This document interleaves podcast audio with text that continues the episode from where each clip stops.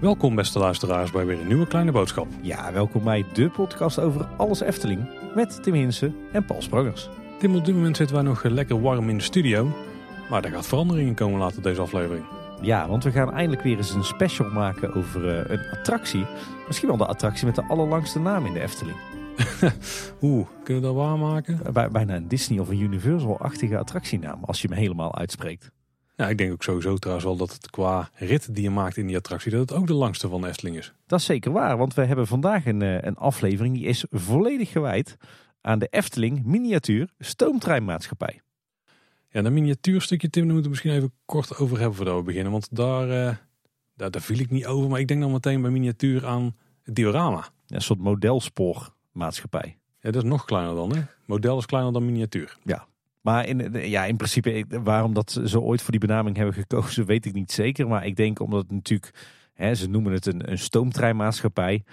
En zo'n maatschappij in, binnen de Efteling is toch redelijk beperkt ten opzichte van de oude grote stoomtreinmaatschappijen in, uh, in Nederland. Daar kan ik wel iets mee inderdaad, ja. ja, ja. ja. Maar, maar waarom eigenlijk een, uh, een speciale aflevering over de Efteling stoomtrein? Nou, ten eerste, we hebben het natuurlijk over alles in de Efteling. Daar hoort de stoomtrein ook zeker bij. Maar er is ook gewoon superveel over te vertellen. Ja. Zeker vanuit historisch perspectief. Want het is natuurlijk gewoon nou, het eerste ritssysteem in de Efteling. In ieder geval het eerste waar je een baan volgt. Ja, en het heeft ook een hele, een hele bewogen geschiedenis. Hè, waarin uh, in een aantal decennia ontzettend veel uh, gebeurd en gewijzigd is. Maar dat niet alleen. Ik ben ook wel heel erg benieuwd naar de werking. Want hoe werkt nou een stoomtrein? En uh, ik zou ook wel eens een keer achter de schermen willen kijken bij de stoomtrein. Ik, ik ook, Tim. En dat gaat vandaag goed komen volgens mij. Zeker, want we hebben een, een afspraak staan met niemand minder dan Vicky. Ja, die hebben we over een klein half uurtje. Dus nog eerst even wat andere dingen bespreken, denk ik. Je hebt gelijk, Paul. Ik loop een beetje op de zaken vooruit. We gaan dus straks richting de Efteling. Gelukkig is dat maar een klein stukje rijden vanuit de Kleine Boodschapstudio. Maar we gaan eerst eens even kijken naar, naar de geschiedenis van de Efteling Stoomtreinmaatschappij. Maar voor we dat doen ben ik wel benieuwd, Paul. Wat heb jij eigenlijk zelf met de Efteling Stoomtrein? Nou, ik moet zeggen dat ik daar voorheen eigenlijk vrij weinig mee had. In de jaren, beginjaren dat wij in de Efteling kwamen, deden we af en toe wel de stoomtrein. Maar toen waren de wachtrijen zoals ik me kan herinneren, vrij lang altijd. En dat voelde dan niet echt als de moeite om te gaan staan. Maar ik moet zeggen dat uh, nu ik zelf kinderen heb, ik het wel een hele relaxte attractie vind. Want het is echt even ja, een beetje onthast, hè, wat je eigenlijk in de trein zelf ook doet. Ja, misschien, misschien niet voor de forens die er dagelijks in zit, maar voor, uh, voor ik als iemand die heel af en toe de trein pakt, uh, is dat wel het geval. Op je gemak gewoon rondkijken door het park. En dan, ja, als je uiteindelijk weer... meestal doen wij namelijk een heel rondje. We gebruiken hem zelden als transportsysteem. Heel soms wel, als we echt meteen kunnen instappen of zo op op Sint-Nicolaas plaatsen. En dat we dan kunnen uitstappen bij Raagrijk. Ik, kan er altijd wel van genieten van een rondje stoomtrein tegenwoordig. Ja, ja ik moet zeggen, ik, ik zeker ook. Ik heb echt wel wat met, eh, met de Efteling stoomtrein. Ik ben sowieso eigenlijk al mijn hele leven lang een, eh, een groot spoorliefhebber. Ik ben eigenlijk dol op alles wat eh, op spoor rijdt. Of het nou een trein, een tram of een, een metro is. Komt denk ik ook omdat mijn ouders toen ik jong was nooit een auto hadden. Dus als kind uh, doorkruiste ik heel Nederland en België met, uh, met trein en bus. Dus dan denk ik dat je automatisch al wel uh, spoorliefhebber wordt. En ja, ondanks dat we inmiddels al een hele lange tijd een auto hebben, ben ik nog steeds dol op alles wat op spoor rijdt. En dat heb ik ook weer door laten erven richting mijn kinderen. Dus zeker als wij op, op reis zijn en we bezoeken een stad, dan doen we daar altijd alles met, met tram en metro. Wel een beetje een zwart hoekje voor de slaaptreinen. Uh, ja, dat is inderdaad een ander verhaal. Daar eh, denken we maar niet te veel aan terug. Maar nog steeds grote trein, tram en metro liefhebber.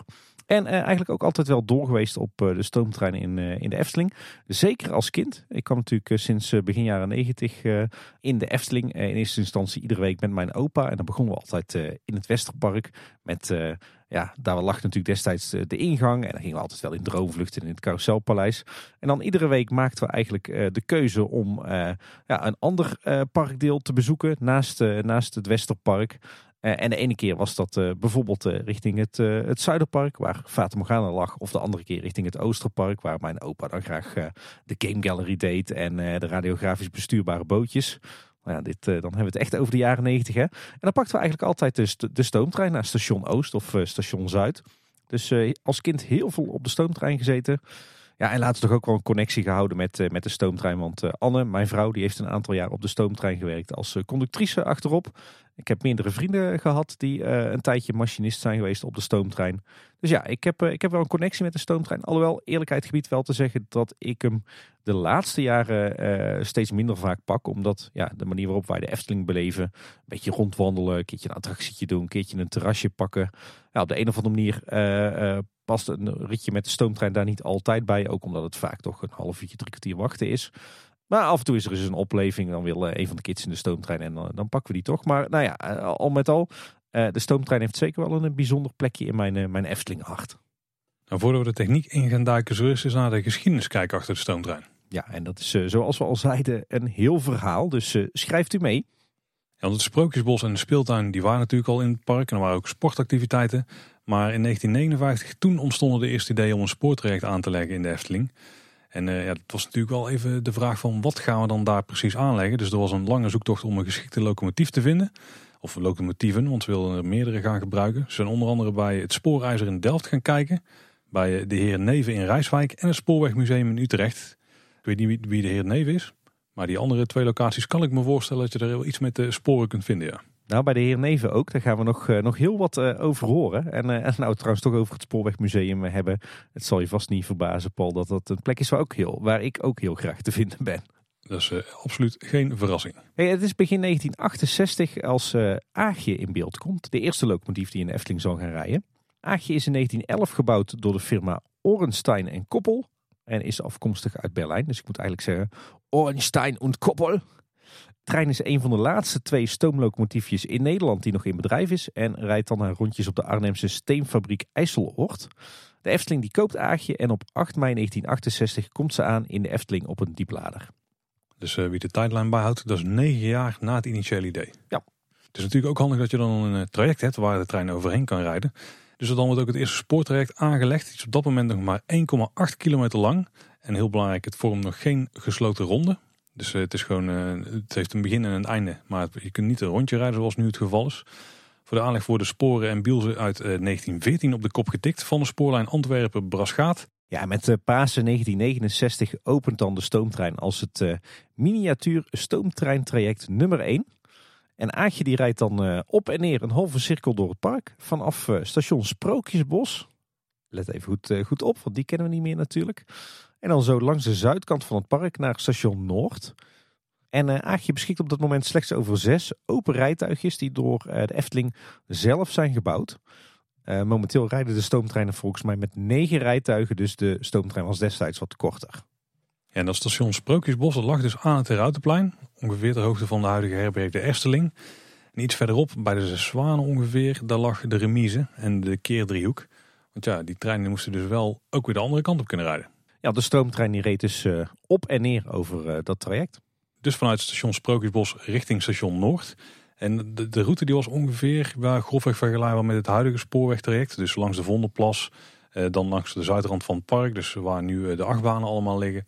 En dan weer richting het noorden aan de, de, oostkant van het park. Grofweg, hè, het spoor is wel verlegd en zo in de jaren. En uiteindelijk kwam je dan uit bij station Noord. En dat lag op de huidige plek van het Kleuterhof. En de keerdriehoek daar, die lag ongeveer op de hoogte van het huidige back of the house tussen Panorama en Vogelrok. Ja, dat is natuurlijk een onbekend stukje Efteling, maar dat kan je wel zien als je uh, naar de wc gaat in uh, Panorama. De toiletten op de eerste verdieping en je kijkt uit het raam, dan, uh, dan zie je de plek waar vroeger dus een stukje, ja, ook een stukje spoorwegamplacement lag van de Efteling stoomtrein. Dan ga je op meerdere manieren terug in de tijd als je daar naartoe gaat. ja, precies. Hey, in 1974 al wordt station Sprookjesbos vervangen door station Sint-Nicolaasplaats. Uh, later natuurlijk bekend als station West en inmiddels uh, station Marenrijk. En dan komt in 1974 locomotief Moortje ook naar de Efteling. Die werd in 1908 gebouwd, nog ouder dus, ook bij hetzelfde Orenstein en Koppel. En die was lang in gebruik bij eh, Belgische aannemers. Moortje die werd gevonden op een sloop in Brussel. Kijk, uh, het duurde uiteindelijk anderhalf jaar om Moortje op te knappen. Uh, dat werd volledig door de technische dienst van de Efteling zelf uitgevoerd. En Moortje werd in eerste instantie uitgerust met vier open en twee dichte rijtuigen. Nee, dat waren de eerste dichte dan van het geheel. Ja, ja, ja, ja. Nog meer wijzigingen trouwens in 1974. Want uh, toen de tijd werden ook station Zuid en station Oost aan het traject toegevoegd.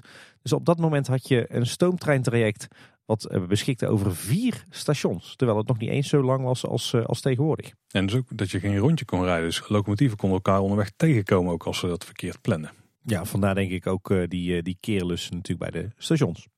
In 1980 werd ook locomotief Neefje aangekocht. Dat was een, Henschel uit 1914 die in gebruik was geweest bij de Koninklijke Nederlandse Gist- en Spiritusfabriek in Delft. En de eerste verlegging van het spoor zelf die vond plaats in 1980, 1981 tijdens de bouw van de Python. Toen moest namelijk het uh, spoortraject flink worden verlegd richting het oosten. Het trein reed eerst een beetje zo langs de waterlijn van de Siervijver, dus op de, de, de, dus het krentenpad hè, wat daar uh, loopt. Ja, ja, klopt. En die maakte dan de draai richting de zuidrand van het park, ongeveer tussen de Meermin en de Kurkentrekkers van een Python, dus met een ruime bocht. En uh, die moest dus verlegd worden naar ongeveer de plek waar die nu ligt, in ieder geval aan de oostkant. En dat is ook logisch, hè, want uh, die plek die jij nu beschrijft als hoe het spoor eerst liep, zeg maar in een lijn tussen de, de Gondoletta-vijver, de Meermin en de Kurkentrekkers van de Python. Dat was natuurlijk uh, tot die tijd ook gewoon uh, de, de rand van het park. Want de rest van het, wat we nu kennen als Ruigrijk, werd natuurlijk pas in de jaren 80 aan het park toegevoegd.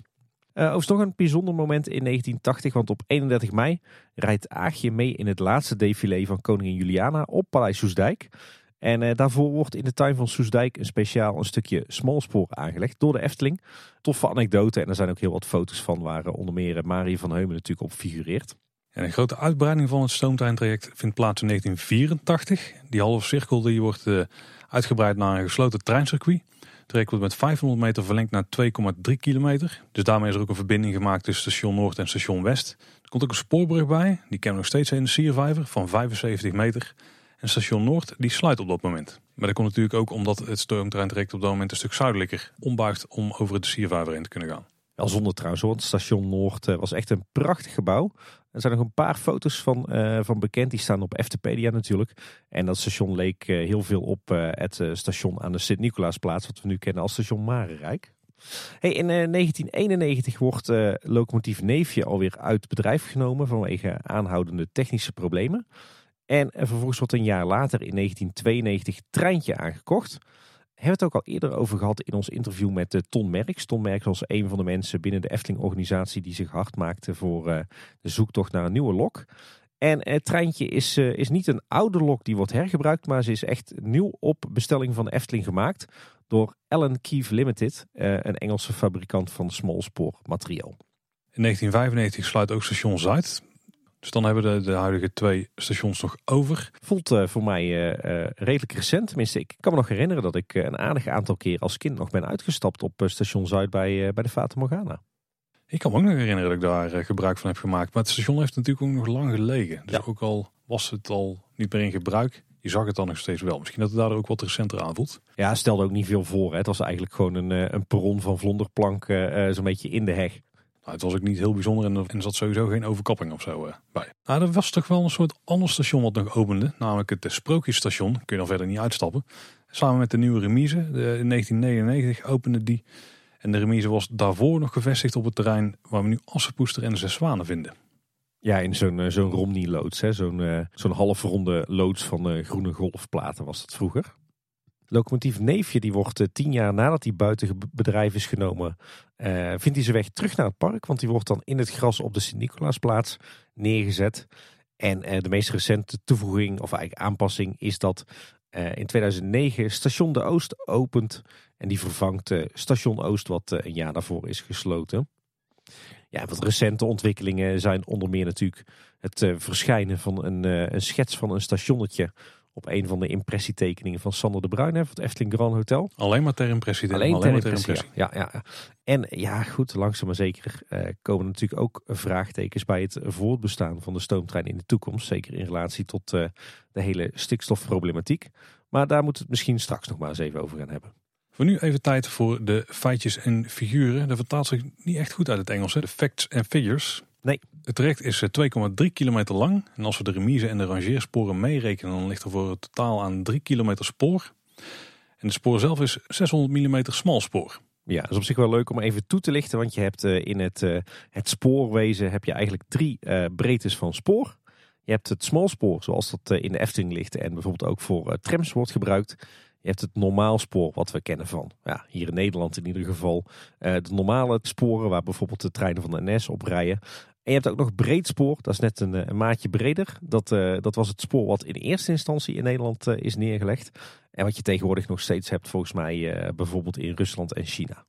En als we dan naar de locomotieven kijken, zijn er vier geweest die echt bezoekers over het spoor heen hebben gereden. Waarvan er drie in ieder geval nog niet opgegeven zijn. Laten we daarop houden. Twee daarvan die, die rijden prima in rondjes en eentje die is in lang onderhoud. Maar er is ook nog een, een soort vijfde. Die wordt alleen gebruikt voor onderhoud en controlewerkzaamheden. En dat is dieseltje. Ja, en als we dan kijken naar, naar die locomotieven die in werking zijn, dan, dan hebben die allemaal ook een eigen kleur. Aagje ligt momenteel natuurlijk even uh, uit de running. Die is groen. Moortje is zwart. En treintje is paars. Een dieseltje hebben we gezien in twee gedaantes. Versie 1 die eh, is van 1975 tot met 1995 in de Efteling geweest. Gebouwd door Diepholzer Machinenfabriek, oftewel DIMA. En er is inmiddels een nieuwe versie, versie 2. Die is vanaf 1995 in de Efteling te zien. Die is ook gebouwd door Alan Keefe. Dat is de bouwer die ook Treintje heeft gebouwd. En volgens FTP is het bouwjaar 1995, maar volgens Op de Rails 1992. Ja, Op de Rails is een, uh, ja, een soort uh, magazine of uh, fanblad zou je misschien wel, wel kunnen zeggen van het spoorwezen. En een van onze luisteraars, Wart die is zo vriendelijk geweest om ons alle edities van Op de Rails toe te sturen waarin de Efteling stoomtrein wordt vermeld. Dus daar hebben we dankbaar gebruik van gemaakt in, in onze research. Kijken we dan naar het aantal stationnetjes, dan hebben we er nu nog twee over. Hè? Station Maarrijk en Station de Oost. En ja, met een beetje fantasie kan je ook het uh, sprookjesstation daar nog aan toevoegen. Maar in de hele historie zijn er in totaal zes verschillende treinstations geweest. Dat gezegd hebben er waren in de jaren 80 plannen voor een gesloten spoortreintraject met in totaal vijf stations. Maar dat is er uh, uiteindelijk natuurlijk nooit van gekomen. Hey Tim, ik zit op mijn horloge te kijken en volgens mij worden we zo verwacht in de remise. Zoals die kant op gaan. Ja, ik ben uh, heel benieuwd wat we daar gaan aantreffen. Want voor mij wordt het de eerste keer in de remise. Dat is voor mij exact hetzelfde. Volgens mij staat Vicky dadelijk op ons te wachten. Dus we gaan gauw die kant op. Tot zo. Nou, we zijn eindelijk aangekomen in de remise zelf. We hebben het er net al veel over gehad, maar we zijn er eindelijk, Tim. Ja, en we zijn te gast bij niemand minder dan uh, Vicky Meeuwse. Jazeker, hallo. Vicky, welkom een kleine boodschap. Dankjewel. Ja, wij zijn natuurlijk heel benieuwd, Vicky, wie jij bent en wat jij doet hier bij de Stoomtrein. Nou, ik, uh, ik ben dus inderdaad Vicky Meeuwse en ik ben hier machinist bij de Stoomtrein. Hey, en ik ben wel benieuwd, hoe, hoe ben je eigenlijk bij de Efteling terechtgekomen? En specifiek, hoe, hoe word je nou machinist? Ja, ik ben hier ooit als parttimer binnengekomen, zelfs in de horeca. Daar heb ik eerst een half jaar gewerkt. Um, toen ben ik eigenlijk achter de schermen gaan werken. Uh, kledingmagazijn, technisch magazijn, centraal magazijn, vooral dat soort dingen. Um, en vanuit daar ben ik weer teruggegaan naar attracties. Ik miste toch wel het park en, en noem het maar op. Nee, eenmaal bij attracties hier in Marenrijk, ja, dan krijg je wel de optie om ook machinist te worden. Toevallig werkte ik samen met Rob dan wel eens bij de carousel. Mhm. En die vertelde mij, hé, hey, maar voor machinist, er komt een vacature voor vrij. Is dat niet iets voor jou? Lijkt je dat niet leuk? En eerst dacht ik, hé, wat moet ik dan nou weer? Dat is toch allemaal uh, niks voor mij. Dus ik, nou weet je wat, regel eens een keer dat ik kan komen kijken. Dat vind ik dan wel, uh, dat vind ik dan wel leuk. Kijk of dat inderdaad iets voor mij is. Nou, dus ik ben gaan kijken en uh, puntje bij paaltje erop gesolliciteerd. En ik ben het geworden toen. Kijk dus dat was wel heel tof. Dus eigenlijk door het groeien in de organisatie. Want ik kan me voorstellen dat uh, het worden van een machinist in de Efteling wel iets meer voet en aarde heeft dan dat je bij een attractie staat. Ja, zeker. Ja, zeker. Je moet eigenlijk uh, machinist worden is een beetje je rijbewijs halen. Je krijgt dus inderdaad echt theorie, je krijgt echt praktijk en daar moet je allebei voor slagen. En pas dan uh, mag jij langzaam maar zeker alleen gaan rijden. Het is in eerste instantie ook langere periode altijd met de machinist achterop, dat je dus een backup hebt. En ja, pas later echt met een conducteur. Dus inderdaad iemand die niet zelf kan rijden. En, uh, dus dat, dat kost wel wat tijd. Kijk, en dat is volgens mij geen Efteling-rijbewijs tussen aanhalingstekens. Maar dat is iets wat echt landelijk geregeld is, toch?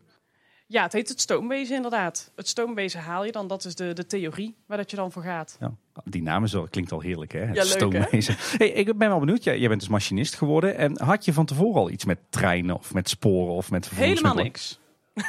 dus ik ben er echt, ja, door de Efteling ben ik erin gerold en uh, nou, I'm hooked. Ja. Zoals ze dat wel zeggen. Maar ik denk dat je wel een aanpakker moet zijn, toch? En niet bang ja. moet zijn voor vuile handen. Nee, nee, je moet niet bang zijn om vies te worden. Want dan, ja, alhoewel, we hebben een collega en die krijgt het voor elkaar om schoon te blijven. Dus het kan wel. Maar de meeste inderdaad, die worden hartstikke vies. En uh, ja, je, je was dan aan je handen, je gaat een keer onder de douche en het is toch weer goed. Ja, ja zo denk ik er in ieder geval over. Goeie insteek, denk ik. Ja, voor je wel. Hoe, hoe, hoe lang ben je inmiddels al uh, machinist? Ik denk vijf jaar. Vijf jaar ongeveer. Dus dat is ook alweer uh, even. Leukste baan in de Efteling, denk je? Ja, ja, zeker wel. Als ik moet kiezen, sorry voor de andere attracties, niks tegen jullie. Maar ik ben toch blij dat ik inderdaad niet alleen maar op een knopje hoef te drukken en dat hij dan zijn ding doet. Dat ik echt daadwerkelijk uh, continu uh, het zelf bij moet houden. En als ik het fout doe, ja, dan gaat het ook fout. Dus eh, Ja, daar hebben we duizend en één vragen over. Maar misschien moeten we eerst eens bij de basis beginnen. Want ja, we zijn ontzettend benieuwd. Hoe werkt nou eigenlijk een stoomlok? En hoe werken nou vooral jullie loks? ja, we kunnen even gaan kijken. Laten we dat doen. Ja, leuk. Ja, daar, daar zitten we voor in de remise. toch? Nou, we zijn een remise ingelopen inmiddels, Tim. Zo, dit is wel echt, eh, deze stond wel echt op de bucketlist bij ons, hè? Potverdorie. Ja, welkom. Ja, dank je. We willen dadelijk alles weten over de remise zelf natuurlijk. Jij, eh, volgens mij ging jij ook een korte rondleiding geven. Maar laten we eens beginnen met de basis, met de, de techniek. Hoe werkt nou eigenlijk zo'n stoomlok? Nou, we staan nu bij Moortje. En in principe werken Moortje en Treintje en Aagje werken ongeveer hetzelfde. De basis is natuurlijk eh, vuur, water en, eh, en de druk. Daar moeten we vooral op letten. Ehm, als ons vuur goed is en we hebben genoeg water, dan komt het ook goed met de druk. Dat is, dat is eigenlijk eh, heel, heel globaal en simpel bekeken. Ja, want wat even voor de luisteraars. Jullie hebben volgens mij een vuurkist, hè? Daar stoken jullie een, een Ja, fikkie in met, met steenkool. Dan gaat het water gaat koken, daar komt stoom uit. En die stoom die gebruiken jullie om de hele bol in beweging te zetten. Precies, precies. Nou, we hebben hier inderdaad. eh, is hij nog open? Ja, hij is nog open. We hebben hier aan de voorkant hebben we de vlampijpen. Nou, het zegt het al, de vlampijpen. Dus het vuur van de vuurkist komt uiteindelijk hier doorheen om het water, wat natuurlijk erin zit, te verwarmen. Zodanig te verwarmen dat het natuurlijk stoom wordt. Ja, ja want even van onze, luisteraars kunnen natuurlijk niet meekijken. Wij zien het nu wel. Ehm, je moet je voorstellen, als je een van de loks van de Efteling ziet, dan heb je natuurlijk de, eh, de plek waar de machinist zit. Dat heet de bok volgens mij, toch? En eh, daarvoor zit een, eh, een soort ronde cilinder. En in die cilinder zit, ja, zit eigenlijk gewoon een soort ja, metalen... ja, wat is het, Paul? Ja, ik weet het niet. Het, eh, het- ja, eh, je moet zeggen, de- je moet, het- je moet het zo zien. Het lijkt alsof de, zeg maar dat de- die cilinder helemaal massief is, maar er zitten allemaal ja, pijpjes in, gaatjes, hè? Ja, allemaal pijpjes inderdaad. En helemaal aan jullie kant, zeg maar, de kant waar jij als machinist zit, daar is het vuur. En dan krijg je een soort trek, denk ik, waardoor Ja. de warme lucht door die pijpen naar boven Ja, gaat. En ja. Dus zo- inderdaad, aan de andere kant van deze pijpjes, daar zit de vuurkist. Dit noemen we ook de rookkist. Hè. Daar komt de rook uit en eh, dat komt dan uit de schoorsteen. En eh, ja, het, het trekt als het ware door die pijpen heen het vuur. En dat ehm, verwarmt het water. Want het water zit dan boven die pijpen of loopt, zit het dan tussen die pijpen door? Nee, nee, dat zit echt inderdaad hier zo er, eromheen, als ja, het oké, ware. oké. Het, zijn echt, het is geen massief blok, maar het zijn buizen waar dan het water omheen eh, zit. Ja. Kijk. precies. En op die manier kun je dus heel efficiënt water verwarmen. Ja, En, Ja. dan, en dan, dan hebben we stoom. even kijken, dan hebben we stoom. En de stoom, die komt dan uiteindelijk hierin uit. Kijk, door deze pijp inderdaad, komt dat hierin uit. In de stoomcilinders. Dus aan de voorkant van de trein zit aan beide kanten zit een, eh, een blok. Eh, die loopt een beetje schuin naar onderweg. En daarin eh, wordt dus de stoom gepompt. En dat zijn de daadwerkelijke cilinders. Ja, dat zijn inderdaad de stoomcilinders. In de stoomdom komt het in eerste instantie terecht. En het komt pas naar de stoomcilinders als wij in principe gas geven. Dan, hè, dan, dan zetten we het open dat het naar de stoomcilinders kan. Ja, en jij zegt de stoomdom. En dat is die, zeg maar, die koperen of messing Ja, koepel achter de, die zo mooi glimt op de trein. Die, Je, ja. je item zelf. Zelfs. ja, het is, het is een eyecatcher. Hè? Ja, Dat, ja, ja. eh, en vanuit die stoomdom eh, laat je dus de stoom richting de stoomcilinders. Hoe doe je dat? Eh, nou, we hebben hier aan de binnenkant dan weer van de trein. Hebben wij, zoals wij het noemen, onze regulateur. Kijk, En als wij die dus inderdaad openzetten, ja, dan geeft hij hem als het ware vrije doorgang om stoom door te laten naar de stoomcilinder. dat is eigenlijk, als je het zou vergelijken met een auto, is dat jouw gaspedaal. Precies, precies. Dit is ons gaspedaal. Dus ook hoe verder die die opentrekt, hoe harder die kan rijden. Of hoe meer ja, hoe vermogen die krijgt. ja, ja, hoe meer dat hij inderdaad gaat trekken. Ah, kijk. Was trouwens ook wel benieuwd. Een stoomtrein kan natuurlijk voor en achteruit rijden. Regelen jullie dat ook met de regulator? Eh, dat doen we hier met onze ganghendel, zoals we die noemen.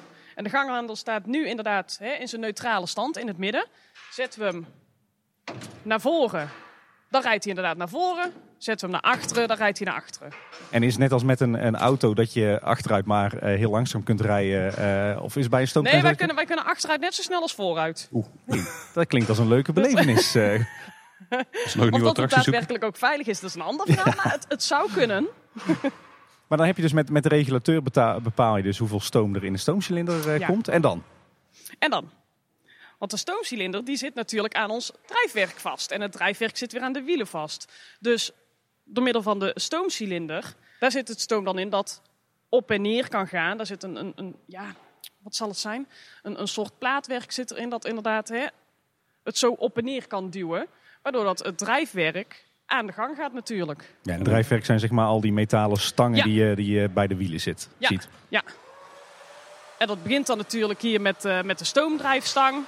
Die begint en die zorgt dat de rest ook aan de gang gaat. Ondertussen wordt er hier eh, gestofzuigd aan, Zo, eh, aan ja. Moortje. Het is waarschijnlijk niet zoals thuis om het stof op te zuigen. Wat, wat gebeurt er nu? Wat is jouw collega aan het doen?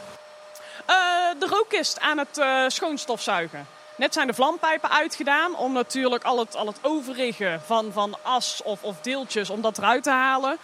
En nu doet hij de rest uitstofzuigen, natuurlijk gewoon voor optimaal gebruik. En dan, als hij daar klaar mee is, dan kan die dicht en dan kan het vuur in.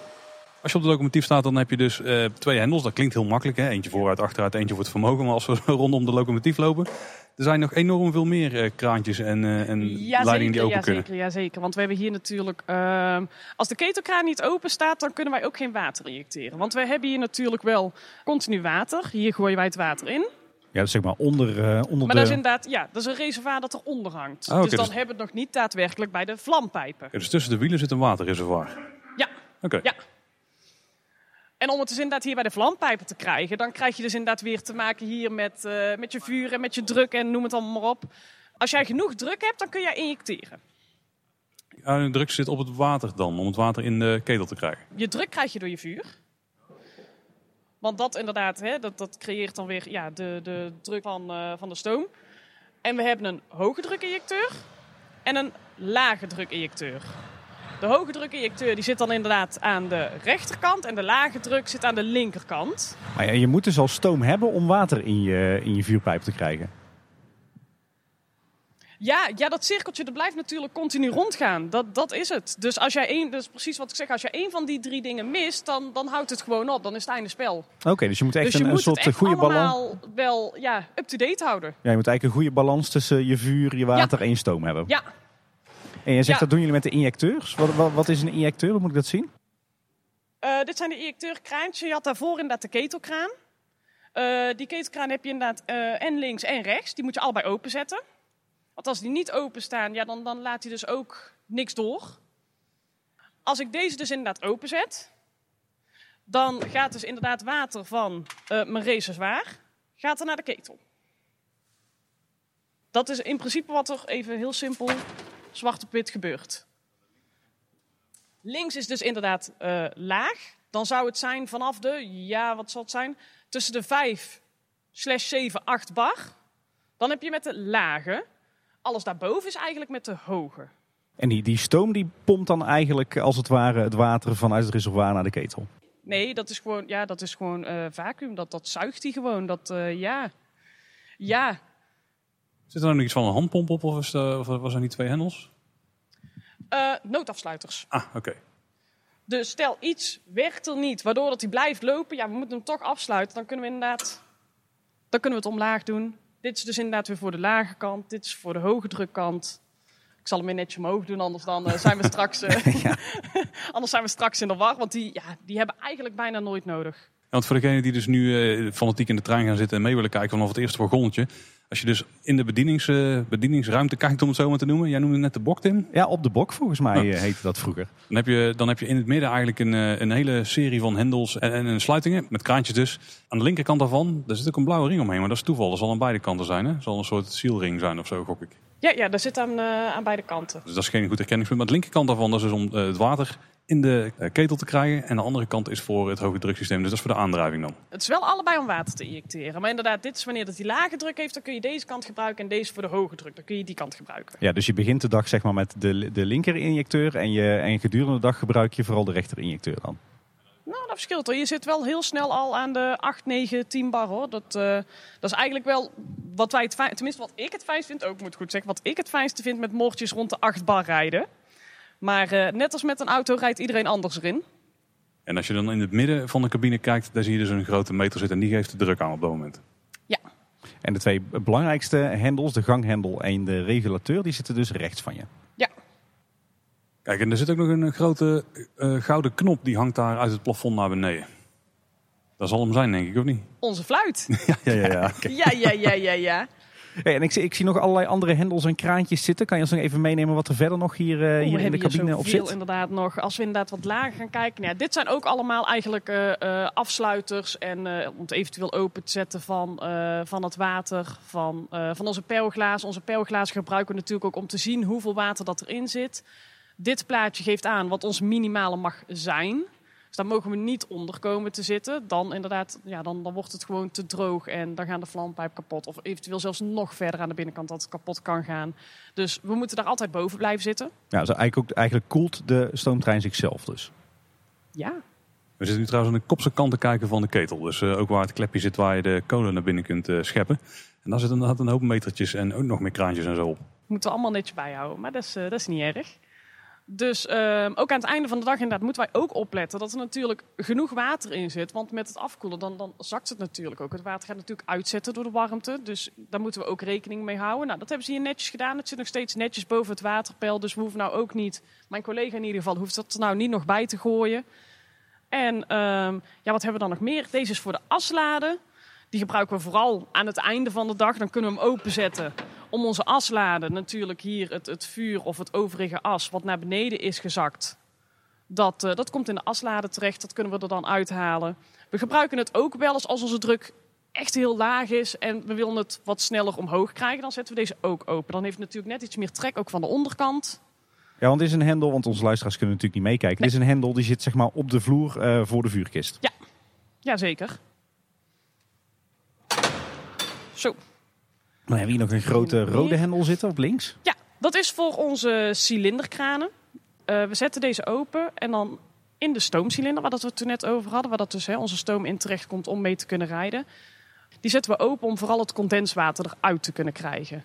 Hè, als je eenmaal stilstaat, dan ja, niet al het stoom kan natuurlijk iets mee gedaan worden. Dus dat blijft er ook in hangen. Dat, dat zakt weer weg, dat wordt weer water. En dan inderdaad, hè, net voordat, als we net aan het rijden zijn, dan zetten we hem op een gegeven moment even open. Dan kan even het condenswater eruit. En eh, dan zetten we hem dicht en dan kunnen we weer door. Oh, is dat wanneer, wanneer je zeg maar ineens een hoop stoom aan de, aan de voorkant, aan de onderkant uit de trein ziet komen? Ja, dat is meestal echt het begin van de rit dat we dat doen. Dus inderdaad, hè, want we hebben dan natuurlijk ook even stilgestaan. Hij heeft even niks gedaan. Dus ja, alle ophoping, dat, dat zakt dan weer weg. Ja, dat zie ik volgens mij bijvoorbeeld wel eens gebeuren als jullie bij station Maanrijk wegrijden, zeg maar op het stukje tot eh, de spoorwegovergang. Ja, dan kun je er inderdaad het beste zien. Dan inderdaad, eh, net in die bocht, eh, dan zetten we meestal even open. Ja, bij station de Oost kun je dat niet zien. Dan, ja. En, en heel af en toe is het wel zo dat ik weet niet wat jullie dan doen, maar dat kan jij mij natuurlijk vertellen. Dan, dan wordt er ook iets opengezet en dan komt er ineens met een hels kabaal een berg, berg stoom uit. Wat doen jullie dan? ik, ik denk precies hetzelfde. De stoomkraan die we openzetten. Want ja, die gebruiken we ook om subtieler af te remmen. Dus dat doen we ook wel eens bij natuurlijk een, eh, een overweg. Dan, dan zetten we hem inderdaad open om net iets rustiger aan. Tenminste, gevoelsmatig voor de gast achterin is het rustiger. Het maakt meer kabaal, dat klopt. Maar het is wel rustiger voor de gast achterin dat we dan aan het afremmen zijn. Luisteraars die nu mee gaan rijden in de stoomtrein, die eh, zitten vol eh, spanning te kijken naar alle handelingen die Ja, ja, Ik had er ook nog nooit zo opgelet eigenlijk. Gaat een wereld voor ons open. Je mag ons dadelijk ook nog gaan uitleggen, Vicky, hoe dat nou precies werkt, dat, dat rijden op het traject. Maar we zijn nu natuurlijk nog even bezig met, de- met de uitleg bij de lok. Volgens mij wil jouw collega ook gaan opstoken. Ja, hè? die, eh, die mag voor mij best wel het vuur er ondertussen ingooien. Die is heel netjes aan het wachten. Ja, precies. Maar de, de boel moet natuurlijk ook gewoon gaan rijden om 11 uur. Ik zie helemaal op rechts ook nog een, een hendel met een zwarte knop. Dat is eh, onze, eigenlijk onze gewone rem. We hebben de noodstop en we hebben de gewone rem. Nou moet ik zeggen, gebruiken we niet heel veel. We remmen meestal gewoon met, eh, met tegenstoom. Oké. Dat remt iets rustiger, iets subtieler. In plaats van de rem. En, eh, En dan zet je de regulateur gewoon de andere kant op. ja, eh, we zetten onze ganghendel zetten we dan in zijn achteruit. Oh ja, ganghendel, dat was het. Om natuurlijk ja, eigenlijk ja, achteruit gas te gaan geven. En dan gaat hij vanzelf steeds een beetje terug. Eigenlijk geef je een soort tegengas. We geven gewoon tegengas. Totdat hij stilstaat. Alleen en dan zetten we hem in het figuur. midden. Alleen letterlijk, hè? niet figuur. Ja, nee, ja, alleen dan letterlijk. Ja. Oké, we zien nu dat het vuur wordt aangemaakt. We zijn op het perfecte moment binnenkomen vallen. Ja, in de vuurkist. Er gaat eerst gewoon wat hout in.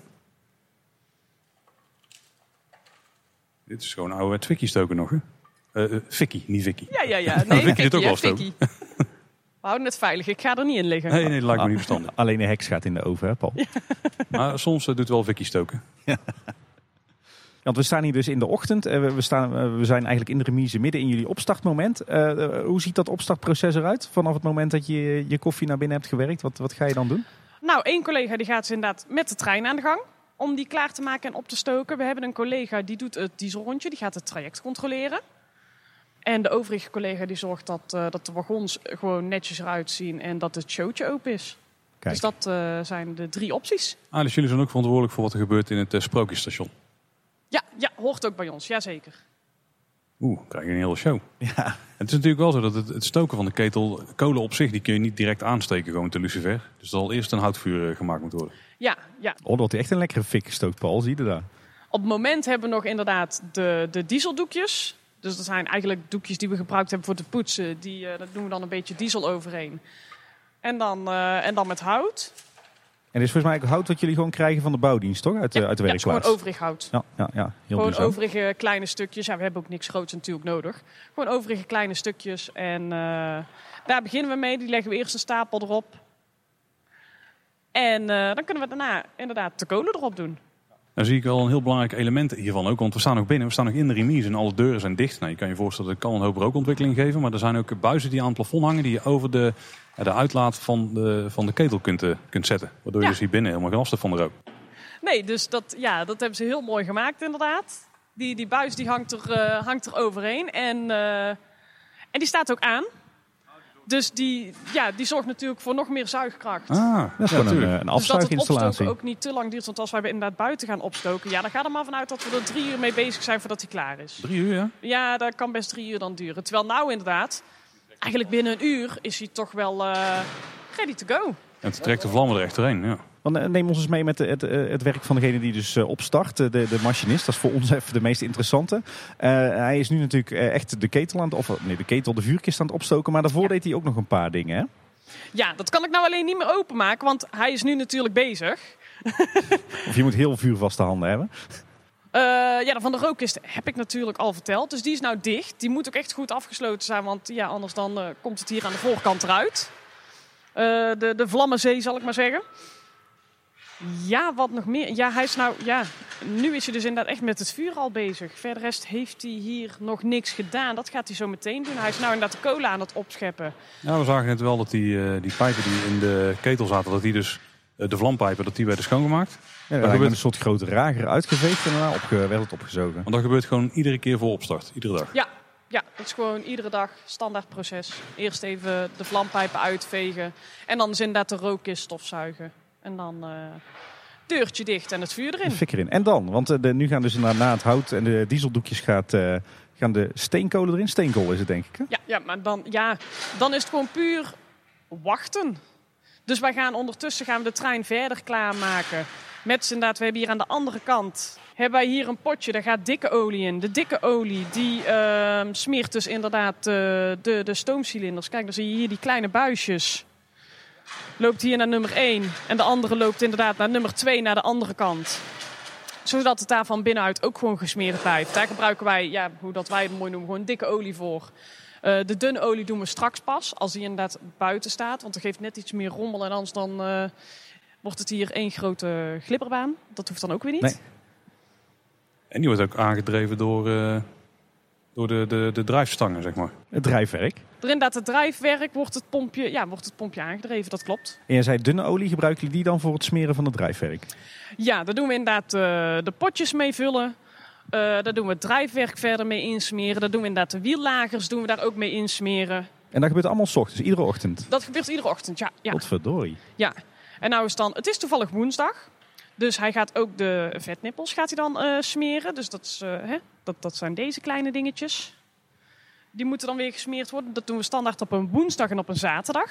Ja, dat zijn zeg maar, eh, zeg maar zo'n beetje alle scharnierpunten in het, eh, in het drijfwerk. eh, die worden dus eh, eigenlijk ja, gesmeerd door een Ja. reservoir wat er eigenlijk in zit. Ja, precies. Dat is een klusje wat dan kan gebeuren als de ketel warm wordt. Het wordt nu ondertussen toch warm. Tussendoor kijk je een keer of dat je vuur daadwerkelijk goed is. Of dat je nog eventueel iets bij moet scheppen.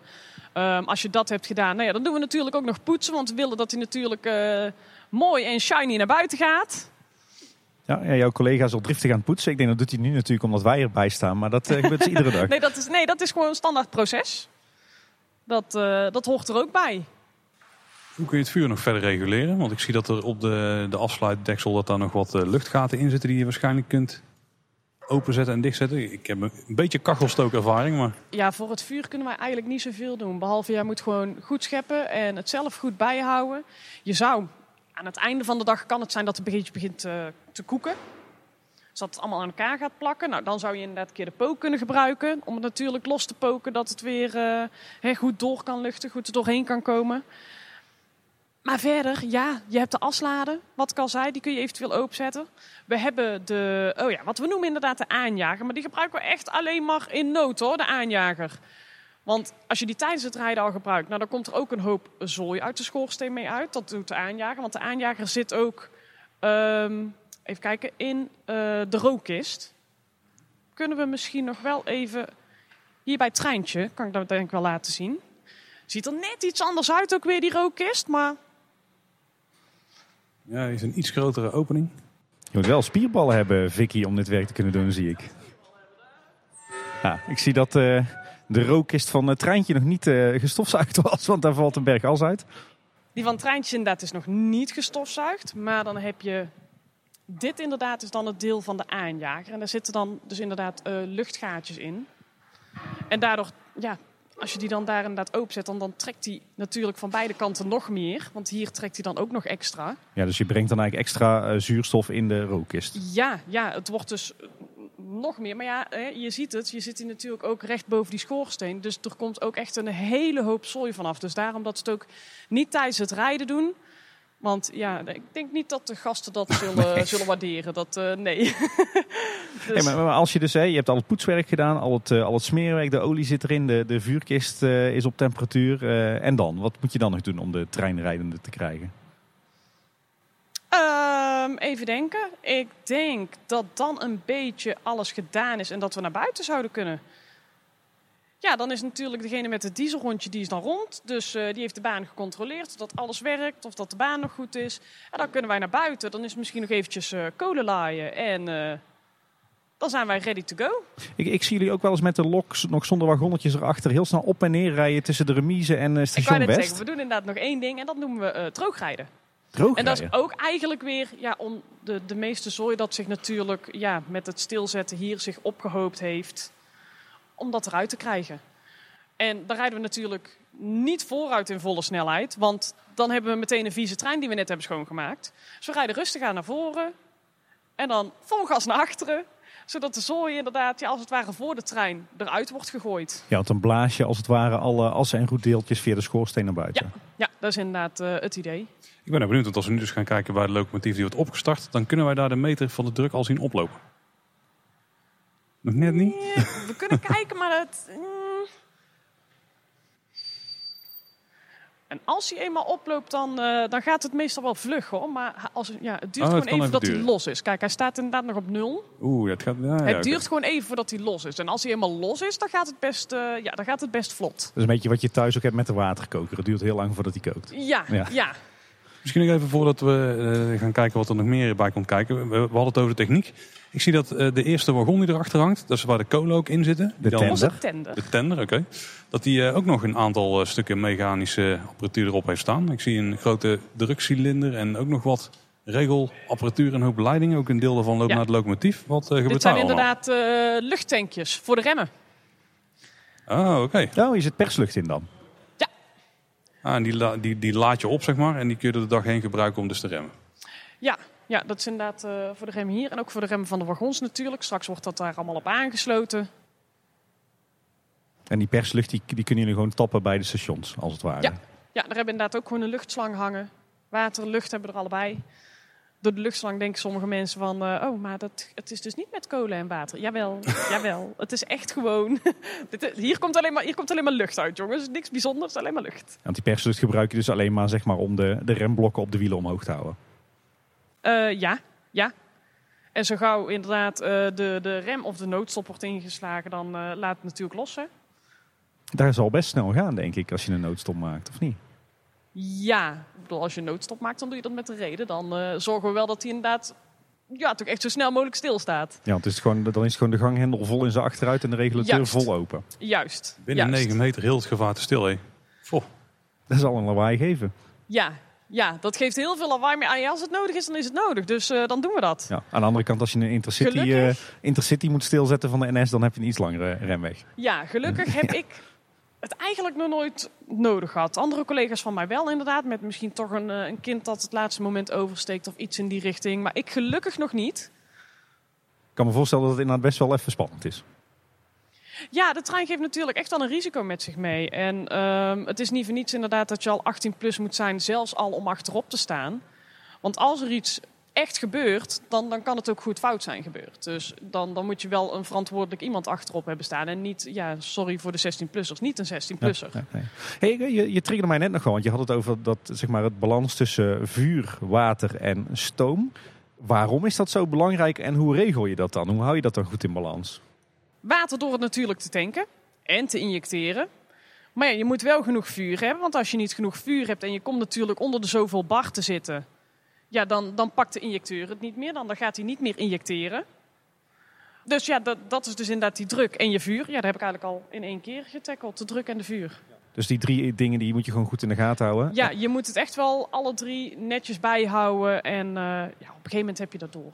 En, en wanneer is het dan in balans voor jou als machinist? Dat verschilt voor iedereen. Ik vind, ik vind zelf, het, wat ik net al zei met moortje, het fijnst. Als hij lekker zo rond die 8 bar is, nou dan weet je gewoon als je water gaat injecteren, dan gaat er ongeveer een bar vanaf. Maar ja, weet je, je gooit daarna weer kolen erbij bij je vuurtje. Dus dan ga je toch weer terug richting die 8 à 9 bar.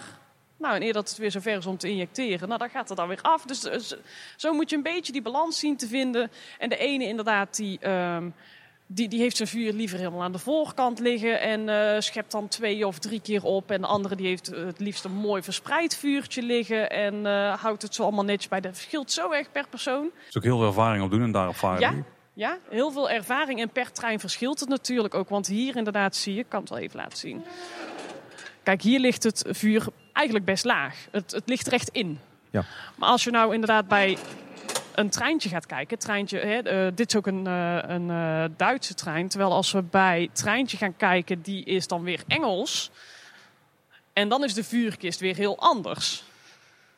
Oh ja, die heeft geen rond luikje, maar bijna een, een bakkersluikje, zoals je hem ook bij Bakkerij Krummel ziet staan. Ja. Een overluikje. Ja. Ja, het is net alsof je er een pizza in kan schuiven. Ja. inderdaad, ja. En ik zie trouwens dat sowieso alles er anders uitziet. Andere Hier ziet het allemaal net iets anders uit. Het, het, het doet allemaal precies hetzelfde, maar het, eh, ja, het heeft allemaal net een iets ander plekje. En, eh, ja. Ja, voor, voor mij de hamvraag is even, wat, wat is hier nou de ganghendel en wat is hier nou die regulateur? ja, dat is hier denk ik het grootste verschil. Want je hebt hier dus inderdaad in de hoek hebben we onze ganghendel verstopt zitten. Oh, helemaal rechts, eh, rechts voorin, zeg maar. Ja. Maar de regulateur is dan weer deze. Echt midden op het kop Dus van de ketel. die doen we inderdaad niet naar voren of naar achteren. Nee, die doen we dus inderdaad van links naar rechts. Zo, dus nog wel even schakelen s ochtends als je op een andere lok rijdt. Ja, ja, en ik moet zeggen, het treintje rijdt ook echt wel eh, een heel stuk zwaarder dan Moortje. Dus dan moet je helemaal eh spierballen hebben. Ja, hoe, bedoel je dat? Dus, hoe, hoezo, eh, hoe rijdt een trein zwaarder? Hoe moet ik dat voor me zien? Je merkt bijvoorbeeld een trein die, die rijdt iets zwaarder. De, de ganghendel is wat zwaarder eh, eh, te bedienen. Doordat de druk iets hoger wordt. Dat merk je ook hoe hoger of lager de druk is, hoe zwaarder dat die ganghendel is. Hetzelfde bij het treintje, maar ja, bij het treintje is het gewoon net, net een tikje erger dan inderdaad bij een aagje of een moortje. Zo dat de, de ene trein ook echt zwaarder is dan een andere. Of dat die ehm, minder snel reageert of zo op de, de, de hendels die je, die je bedient. Ja, ook. Want als deze best wel hoog in zijn druk zit, vind ik in ieder geval. Er zijn natuurlijk mannen die hier iets meer spierballen hebben dan ik. Maar ik vind wel als deze inderdaad hoger in de druk is, dan eh, ik krijg hem soms maar met moeite vooruit. Dan moet ik echt, ik moet aan de ganghendel, letterlijk aan de ganghendel, aan de regulateur moet ik letterlijk gaan hangen om hem vooruit te krijgen. Dus dan zien mensen mij inderdaad die zo heel overdreven eraan trekken en eh, dus sorry gasten, als ik dat doe, dan probeer ik vooruit te komen. Ja, dat vind ik nog wel leuk, want we hadden het over die regulateur. hè, Zeg maar jouw gashendel. Eh, het is niet zo dat jullie die gewoon vol openzetten of vol dicht. Ik zie jullie daar ook heel vaak een beetje, een beetje stotend mee, mee doseren. Hoe moet ik dat voor me zien dan? Ja, en dat heb je, eh, met Moortje heb je dat wat minder. Moortje heeft gewoon zijn, zijn makkelijke standje, zou ik maar zeggen. Die zet je open en, en die gaat. Dat is Moortje. Eh, met Treintje inderdaad moet je echt wat meer moeite doen. Hoe, verder, hoe ver je hem inderdaad openzet of nou juist iets verder dicht Eh, door ja, hoeveel ja, stoom je eigenlijk loslaat. En met Aagje was dat ook heel erg inderdaad. Met Aagje had je precies hetzelfde. Dan moest je echt wel de hele tijd spelen. Helemaal als je voor de gasten lekker wou rijden, dan moest je echt wel een beetje, een beetje met die regulateur spelen. Wil je rustig en goed, zonder te veel schokken, vooruitkomen. Want dat is voor jou dan ook de uitdaging als machinist, denk ik. Ik vind dat heerlijk. Ik ben graag bezig op de trein. Dus ja, mijn, mijn favoriet was ook eigenlijk Aagje. Maar ja, die staat nou daar aan de Oh. kant. Wat, wat is er eigenlijk met Aagje aan de hand? Ehm, volgens mij was de, de ketel die, die is afgekeurd. Dus daar zijn ze nou, eh, ja... Het, het staat voor nu op een laag pitje. Ze hebben nou eerst een treintje dus gemaakt. En eh nou gaan ze kijken, ja, wanneer is dan Aagje aan de beurt? Want nu zijn eerst de wagons aan de beurt. Die moeten ook echt een nieuw likje verf hebben. En ja, we mogen toch maar met max twee treinen tegelijk rijden. Dus voor nu is dit oké. Ik hoor wel dat die, eh, die loks allemaal een eigen willetje hebben dus. Een eigen karakter. Ja, ja maar ja, het, ik blijf het zeggen. Het is net een auto. Stap jij inderdaad in een, eh, ja, we zullen zeggen in een Toyota Aygo of eh, ga je in een Mercedes rijden of zo? Ja, dat verschil merk je ook wel. Is het dan ook dat een, dat een bepaalde trein wat meer luxe voelt? Want ik zie dat wel iets ik meer... denk dat de eh, chic- meeste moortje toch wel een beetje luxe vinden. Bij moortje Oké. kun je wat dat betreft gewoon op de stoel zitten. En net wat ik zei, je zet hem in zijn standje met die regulateur. En eh moortje doet eigenlijk gewoon lekker zijn ding, weet je wel. Daar, daar hoef je niet te veel moeite voor te doen. Die, eh, dat komt wel goed. Als je een treintje rijdt, dan hoef je niet meer naar de sportschool. Terwijl het treintje inderdaad, dan weet je gewoon, nou, je hebt je workout voor die dag gehad. Dat, eh, ja. En, en, en als je dan Aagje zou moeten karakteriseren? Aagje. Ja, Aagje was, echt wel, eh, was ook echt wel pittig. Als je daar gas mee gaf, dan, eh, dan merkte je ook echt, die, die wil dan gewoon meteen gaan. Dus daarom inderdaad dat je echt met die, eh, met die regulateur, dat je inderdaad echt een beetje moest spelen. Daar moest je echt wel een beetje feeling voor hebben. Echt drie dames met een eigen willetje dus, de loks. Drie dames met een eigen willetje, jazeker. Of vier dames Maar met een eigen willetje. Jazeker ook. maar dat maakt het wel weer leuk, hè? Dat maakt het wel weer leuk. Tenminste, vind ik wel. Ik zie dat treintje ook twee eh, drukmeters heeft. Dus het zijn drukmeters denk ik beide. Ja, maar die is volgens mij, ja, die is gewoon van de luchtdruk. Ah, oké, oké, oké. Kijk, zo leren we weer eens wat. Er zitten toch wel... Oh, ik wou zeggen subtiele verschillen, maar het is Ja, het is compleet net iets anders Want inderdaad, we hadden het daar over eh, de, de injecteurkraantjes. Nou, die heb je hier dus ook inderdaad. Maar hier hebben we geen ehm, lage of hoge druk injecteur. Hier kun je altijd gewoon met één van die twee injecteren. Dat maakt niet uit. Alleen moet je hem hier aan de onderkant, heb je ook een kraantje, moet je hem wel even openzetten. Dus het is net, net een handeling extra. Maar ja, de uitkomst is hetzelfde. En ik zie hier bij, eh, bij, eh, bij het treintje ook nog een, eh, een, een hendel, zeg maar links onder naast de vuurkist. Is dat dan om de aslade open te Nee, zetten? dit is weer die, ehm, dit is weer die, die cilinderkraan waar dat we het over hadden. Dat was daar inderdaad de rode hendel. En hier inderdaad, dat vind ik dan wel makkelijk. Ja, kun je het gewoon zo lekker met je voet, kun je hem open en dicht zetten. En de aslade die staat inderdaad al open, want dat is deze eigenlijk als het ware. Oh, dat is een soort van eh halve ronde klep die daar... eh, Ja, dus die staat nou hier open nou, en zo, eh, Oh, zo. zo is hij Ja. weer Het is dicht. gewoon een klepje wat je open of dicht Ja. eh, zet. Ah. Hadden die Engelsen nog niet zo verkeerd bedacht dus. Nee, nee, nee, ze hebben, ze hebben er ook wel eh, over nagedacht. Nee, nee, Omdat hij heel zwaar is. Maar verder, eh, ja, verder komt het allemaal wel redelijk overeen. Maar het is net wat je zegt. Het heeft allemaal net een iets ander plekje. Een net iets andere uitstraling.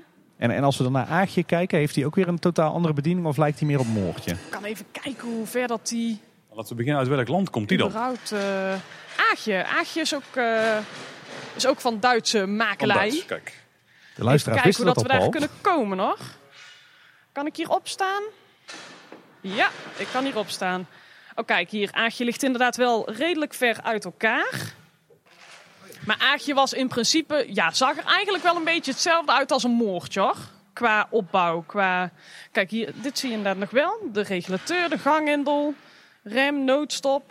Dus daar zit ongeveer op dezelfde plek ook allemaal, hè? Alleen alle koperen leidingen zijn verdwenen, zie ik wel. Ja, ja. Het ligt hier ook allemaal eh, Uit elkaar. uit elkaar, arme verspreid op de Aagje. grond. Arme Aagje. We kunnen bijna gaan rijden, Paul. Nou, Wij zelf, na deze spoedcursus van nou Vicky. ja, ja, daar twijfel ik toch ten zeerste aan, eh, Tim. Dat Dus wanneer ook. beginnen jullie? Wanneer heb je een plekje vrij? Dat die balans eh, goed houden, dat dat nog wel een lastig verhaal is. Ik denk dat dat eh, inderdaad eh, jarenlang ervaring opdoen is voor je dat echt goed in de vingers hebt. Zeg Vicky, nou, nou staan we toch in de remise. Zou jij ons eens kunnen, kunnen rondleiden? Wat zien we hier allemaal in en om de remise? Wat zien wij in en om de remise? Ja, want naast de treinen hebben we natuurlijk... eh, hier is eigenlijk, ja... Dit is een beetje een, een klein werkplekje voor ons. Of voor eventueel de monteurs natuurlijk. Hebben we een werkbank staan. We hebben ons eigen kleine magazijntje. Oh, kijk. Kijk, als eigen kleine magazijntje met toch wel ja, de, de meest gebruikte spullen door ons. Beste akoestiek van eh, de remise tot nu toe. ja, precies. Heel veel pakkingen inderdaad. Jullie gewoon Ja. zelf vervangen? Ehm, ja, vooral een, een Rob en John, die doen dat vooral dan. Die, eh, die zijn er wel van. En anders gewoon monteurs. Mochten, mochten die niet in de buurt zijn. De Hornbach is er niks bij. eh. Nee, dus alles, Nee, nee ja, het is best, eh, het is best netjes. En gewoon inderdaad, ja, eigenlijk het, eh, wat de trein het meeste nodig heeft. Of ja, toch echt niet voor andere attracties is. Dat ligt gewoon hier. Ja, boutjes, moertjes, nippeltjes. Je hebt van alles. zelfs eh, lampen, Tim, stoplampen. Ja, lampen voor eh, de wagons of het station. Of eh, ja, Touwen, spanbanden, glaswol zie ik. eh lemkes. Ja, misschien is dat wel goed om te zeggen, want we gingen er net een beetje aan voorbij. Maar onze luisteraars kunnen natuurlijk niet, niet meekijken. Dat is het nadeel van een podcast. Maar eigenlijk de remise ziet er van buiten natuurlijk uit als een mooi gethematiseerd gestuukt gebouw. Maar van binnen is het echt een enorme ja, industriehal bijna. Heel hoog ook en Ja. veel groter dan ik dacht. En, en er staan hier nu drie loks binnen. Eh Aagje, Treintje, Moortje natuurlijk. Eh, ze delen wel een spoor. Volgens mij liggen hier twee sporen binnen. Drie. Drie, drie. Ja. En ik zag eh, net vanochtend ook dieseltjes staan. eh, dieseltje, ja zeker. Ja, wat mij nu ook opvalt is dat er dus ook een, eh, een kraanbaan. een kraanbaan eh, in zit inderdaad. Die ook naar de grote deur aan de zijkant gaat. En die ook boven alle sporen langs komt op twee plekken. Ja, die gebruiken we natuurlijk vooral om, eh, om wielen te vervangen. Dan hijsen jullie de lok gewoon op. Ja, ja, die wordt dan inderdaad een beetje, een beetje opgetild, zodat het wiel eraf gehaald kan worden. Dan gaat het vooral over de wielen van de wagons. Die worden ook eh, iedere maand worden die gecontroleerd. En En wat, zien we, eh, ja, wat, dan zien kan we, dat hier gewoon eh, per direct in principe gedaan worden. wat zien we verder hier allemaal nog in, in de Wat hal? zien we verder hier allemaal? Nou, we hebben wat- hoe dat wij het noemen, ons oliehokje. Nou, daar hang ik wel waarschuwing op inderdaad. Oh, zal het hier lekker ruiken? Ja. Kijk, en hier heb je zo ook wat ik er straks over had. Standaard de dunne en dikke olie die klaar staat. En eh, hier van alles om te smeren en te doen. Oh ja, doekjes, kannetjes. ja, ja, ja. ja, ik zie dat alles netjes inderdaad zo is opgericht. Of is ingericht met lekbakken. Dat er ook eh, niet te veel olie... eh, Ja, inderdaad. Onze, hè, onze benzine en eh, diesel, zal ik maar zeggen, dat, eh, dat ligt allemaal hier. Want de diesel is voor het dieseltje. De benzine is eigenlijk ja, voor, eh, voor de lampjes van de wagons. Oh, voor dat het doen eh, we nog met een, aggregaat. eh, ja, dat doen we Ja, nog met een ja. agaatje. En volgens mij ook een automatische smeerinstallatie of zo. Wat ik hier zie. Nee, nee, nee, nee. Ehm, we hebben dit is natuurlijk ontkalker. Voor, voor inderdaad water hier, water bij, bij station West. Dat zit hier allemaal dan op aangesloten. Dus dat hebben we hier. Oh, en vergeet natuurlijk niet onze wasmachine. Hallo, we hebben een wasmachine. Die is wel belangrijk hier. Het is heel belangrijk. Ja, want jij zegt ontkalken. Want ik kan me inderdaad voorstellen, je weet natuurlijk met Brabants leidingwater zit eh kaai veel kalk in. Ik kan me voorstellen als je dat water opstookt in je stoomketel, dat er ook ontzettend veel kalk achterblijft anders. Ja, ja, en er blijft sowieso altijd wel wat rommel achter, hier en daar. Maar eh, het ontkalken, dat, eh dat tackelt in ieder geval wel een hoop. Daarom worden ze ook eens in de zoveel dagen worden de treinen gewassen, zo noemen wij dat. Dus dan halen we, eh, al het water wordt dan uit de ketel gehaald. En dan komt er weer nieuw water in. Oké. Dat in principe het, het vuil ermee uitgetrokken wordt. En eh, ja, dan kan die weer opnieuw gevuld worden. Ik zie hier nou trouwens iets heel bijzonders gebeuren, want het treintje wordt eh, een stukje vooruitgeduwd eh, de remise in door het dieseltje. Ja, ik denk, ja, de diesel willen ze daar nu neerzetten. Want ze zijn hier ehm, voor ons tweede spoor met de wagons bezig met schilderen. Dus ja, daar kan het dieseltje niet in. Oh, tuurlijk. Ja, ja, ja. ja. Dus dan schuiven we het treintje even een klein stukje op. En dan past het dieseltje daar gewoon nog mooi bij. Het dieseltje stond net nog aan het begin van de ochtend achter die trein. Dus is natuurlijk nu een rondje gereden. En die is nu aan de andere kant uitgekomen. Ja, ja. ja, ja. Hey, en, en verder, wat zien we allemaal nog voor, voor apparatuur en ruimtes hier in de hal? Ik zie hier ook wat krikken staan. En dan Ja. niet in klein zoals Ja. je bij je auto hebt. Maar die zijn gewoon een meter of 2,5 Ja, breed. deze zijn ietsjes groter, Ja. jazeker. Die kunnen vrij veel gewicht heel mogen duwen. 10 ton, gok ik zo. Die zijn inderdaad wel echt eh, voor, voor de treinen, ja. Oh, die staat, er staat er zoals ik op. Alleen gebruiken voor aagje, Ja. mosje en treintje. Kijk. Hier volgens mij een soort industriële afwasmachine. Ja, zo zou je het eh, kunnen noemen.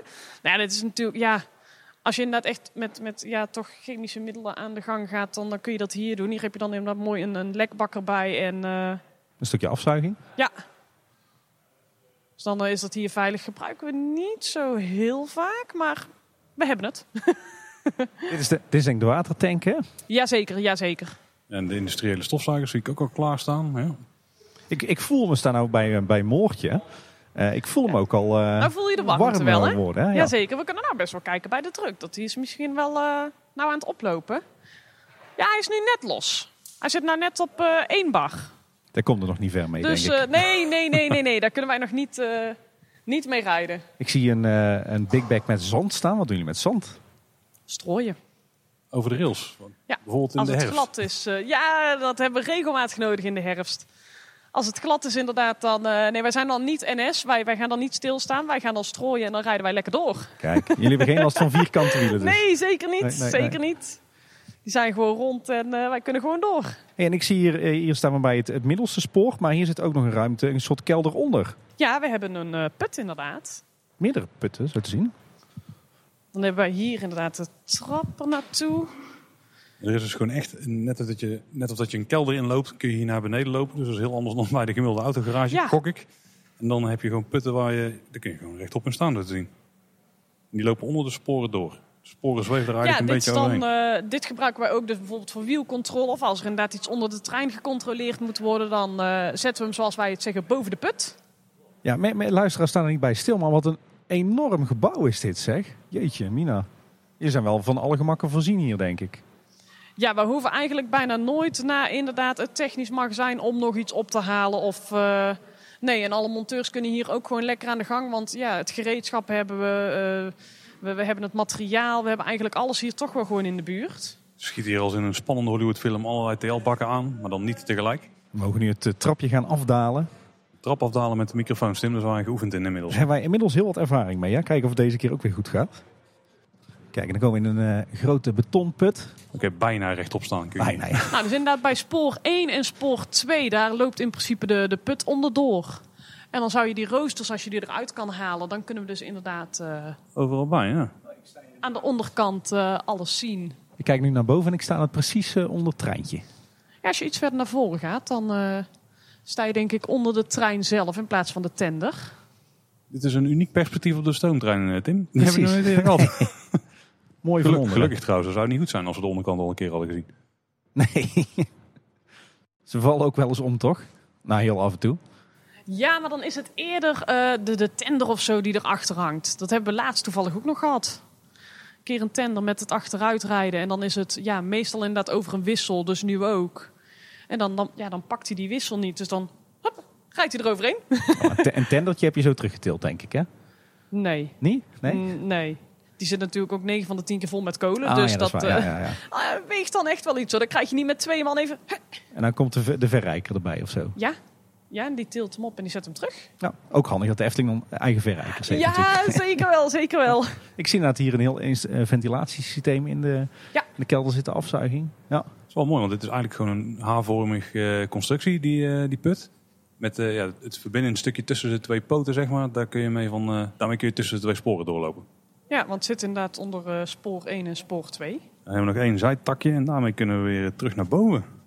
Voor de luisteraars, Paul gaat nu achterwaarts Ja, het is, het is niet de trap op. Eh, Bij de trap kunnen we weer wel rechtop staan. Doe me een beetje denken aan de aflevering die we ooit maakten in het Efteling Theater. Ja, ja dat hebben we ook dit soort trappen heel veel gezien.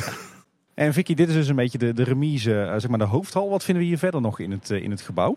Ja, eigenlijk onze kleedkamers, toiletten, eh, personeelsruimte, de kantine.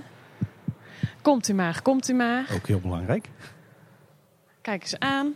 Nou ja, dan kom je hier meteen inderdaad in een halletje terecht. Eigenlijk recht voor de wc's. Nou ja, dat is denk ik het minst interessante natuurlijk. Sorry, maar ja, het zit er wel. We zijn wel kleine boodschap natuurlijk. Maar, Da- ja, ook, ook wij moeten gewoon wel eens naar de wc. Ook ik als vrouw zijnde, excuses daarvoor. nou, dan hebben we inderdaad eh, naast de damestoilet hebben we de dameskleedkamer. Daar hebben we inderdaad gewoon onze kluisjes. We hebben een bankje. We hebben zelfs nog een douche. Die is trouwens niet in gebruik. Maar vroeger maakten ze daar wel gebruik van, van de douches. Een hele grote wasbak om eh, jezelf weer schoon te maken aan het eind van de dag. Jazeker, jazeker. Nou, en dan bij de vrouwen valt het meestal nog wel mee hoe dat hij eruit ziet. Bij de mannen is het soms net eh, ja, alsof ze zich compleet gewassen hebben daar. Dat is toch het verschil tussen mannen en vrouwen. Ja, ja, ik denk het. Ik denk het. Ik zie ook, eh, ook heel veel schilderijlijstjes eh, aan de muren hangen met allemaal oude foto's van bijzondere momenten. Ja, Oh, dat blijft leuk. Natuurlijk het bezoek aan, eh, aan eh, Paleis Soesdijk met, eh, met de stoomtrein. Ja, met ons Aagje, hè? Die is daar inderdaad geweest. Ja, toffe bouwtekeningen, de oude remise. Je kan Eftepedia nog een puntje aan zuigen, eh, Ja. wat hier aan de muur hangt. Schitterend. Ja, dit zijn allemaal wel, eh, wel leuke dingen. Dit zijn dat een beetje hè, terug in de tijd. Hey, en eh, zijn, er nog eh, belangrijke ruimtes om de remise heen, buiten? Jazeker, we hebben natuurlijk ons koolhok. Die, eh, die hebben wij hier net voor de remise buiten staan. Ja, want even voor mijn beeldvorming. Het sprookjesstation zit hier ook nog aan vast. Ja, dat zit aan de andere kant, eh, naast de remise. Dan heb je inderdaad de tunnel. Daar staan ook de wagons eigenlijk stil, als we ze ook niet gebruiken. En eh, daar hebben we ook een showtje. Dus zeg het maar, welke kant willen we op? Nou ja, ik wil het kolenhok wel zien dan. gaan we eerst eh, die kant op naar het koolhok, dat is makkelijker. Lopen we naar buiten? Het kolenhok, ja. We, ja, het is letterlijk een kolenhok. We hebben hier ook onze, onze houtopslag natuurlijk. Hier wordt het elke keer geleverd. En eh, daar worden onze kolen geleverd. Ook letterlijk door die deur daar komen de kolen binnen. En ehm, dan hebben we inderdaad de transportband. Nou, daar kunnen de kolen dan mooi op. Eh, de tender die past daar mooi onder. Dus dan wordt het er letterlijk ingegooid. In plaats van dat wij natuurlijk zo'n end met die zakken moeten gaan sjouwen. Ja, maar het is wel dat je met de schep nog... Of, of je schudt je de zakken leeg eh, aan de onderkant van het transportband. Oh en die nee, brengt ze nee, nee, nee. Ik eh, gooi die zakken er gewoon zo op. complete zakken. Complete zak. Ja, ja, er gaan eh, in een tender kunnen iets van 12 zakken. Vi- Vicky gaat iets demonstreren. Kijk, want die zakken die zijn hier ook. Oh. Kijk, die zijn hier ook aan de bovenkant gewoon open. Ah, kijk, grote plastic zakken. Niet meer dan die zak van. En omgooien. Als de band dan aanstaat, dan eh, gaat het er zo op. 23 kilo?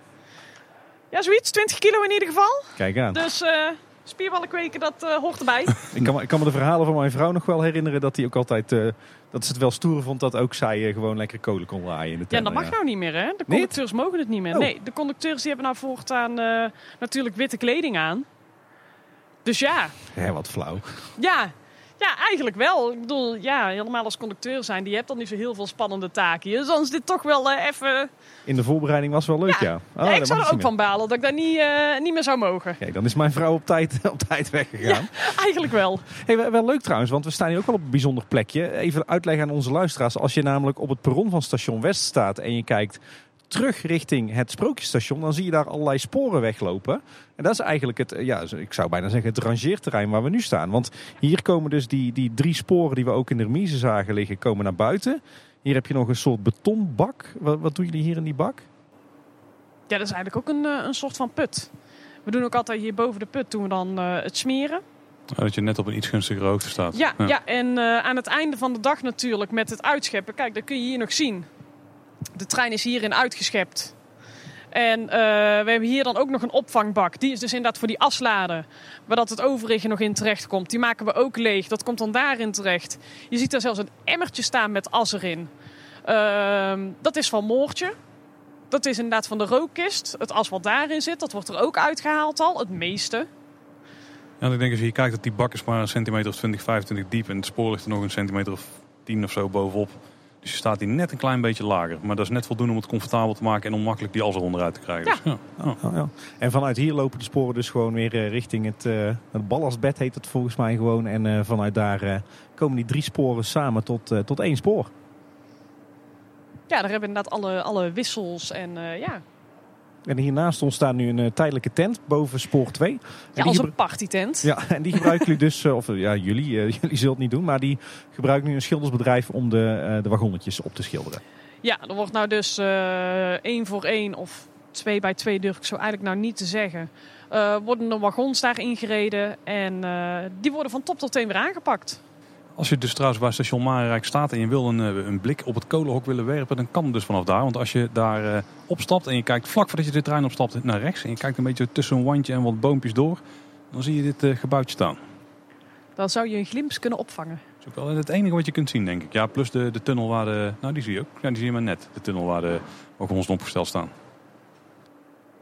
Ik zie hier ook weer, dat is ook weer typisch Eftelings. Hè. Er hangen altijd overal oude overblijfselen van vroeger. Hier hangt eh, weer een bordje rondrit, duur 15 minuten, tussenstopstation Oost, Python.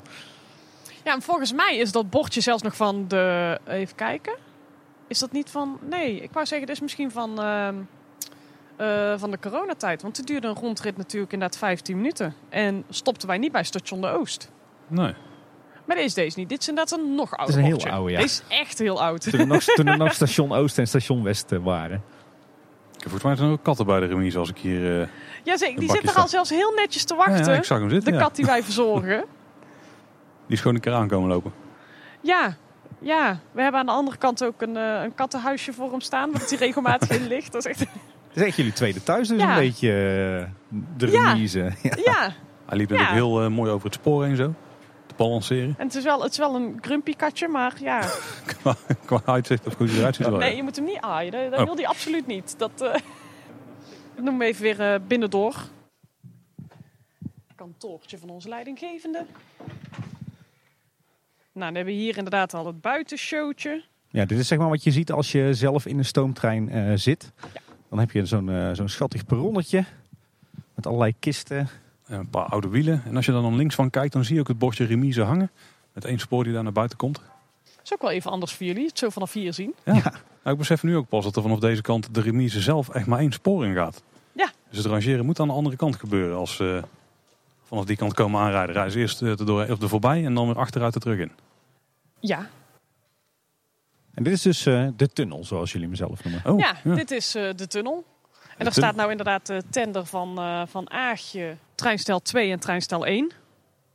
Ja, want normaal gesproken gebruiken ze het rechterspoor. Dat wordt gebruikt om overheen te rijden. Ja, En het linkerspoor, daar hebben jullie eventueel het, eh, het tweede treinstel staan als hij niet wordt ja dat is gewoon ons eh, extra treinstel. Dat is wel mooi, want dit ziet iedereen dus. Alleen ik heb nog nooit echt de tijd gehad om het goed te kunnen bekijken. Want ja, normaal gesproken rijden er met enige vaart doorheen. Dit is wel Ja. een hele chique tunnel. Ja, dan ben je natuurlijk zo er voorbij. Oh. En, het, en het dak zie je ook niet zo heel goed als je in de trein zelf zit. Heel mooi dak eigenlijk, Tim. Ja, mooie spandconstructie, ja. Met eh, natuurlijke ventilatie bovenin. Ja, dat ook echt wel nodig is hoor. Als je inderdaad, eh, als de trein er eh, doorheen gaat en je kijkt eventueel van buitenaf, dan zie je inderdaad ook echt wel de, de stoom en het rook aan de buitenkant eruit komen. Ja. Dus dat eh, is meer dan welkom. En als we aan de rechterkant kijken inderdaad, dan zien we de show. Het is nu nog Ja, donker zeker. en het staat nog allemaal stil. Ja, willen we dat het werkt? Ik heb geen idee hoe makkelijk het is om het aan te zetten. Nou ja, loop daar even voorbij. En dan als het goed is, dat is misschien te dichtbij. Kijk, Oh, ah, dat ik gewoon met de sensor. Oh, het is gewoon een sensorvrek. dan gaat het allemaal aan de gang.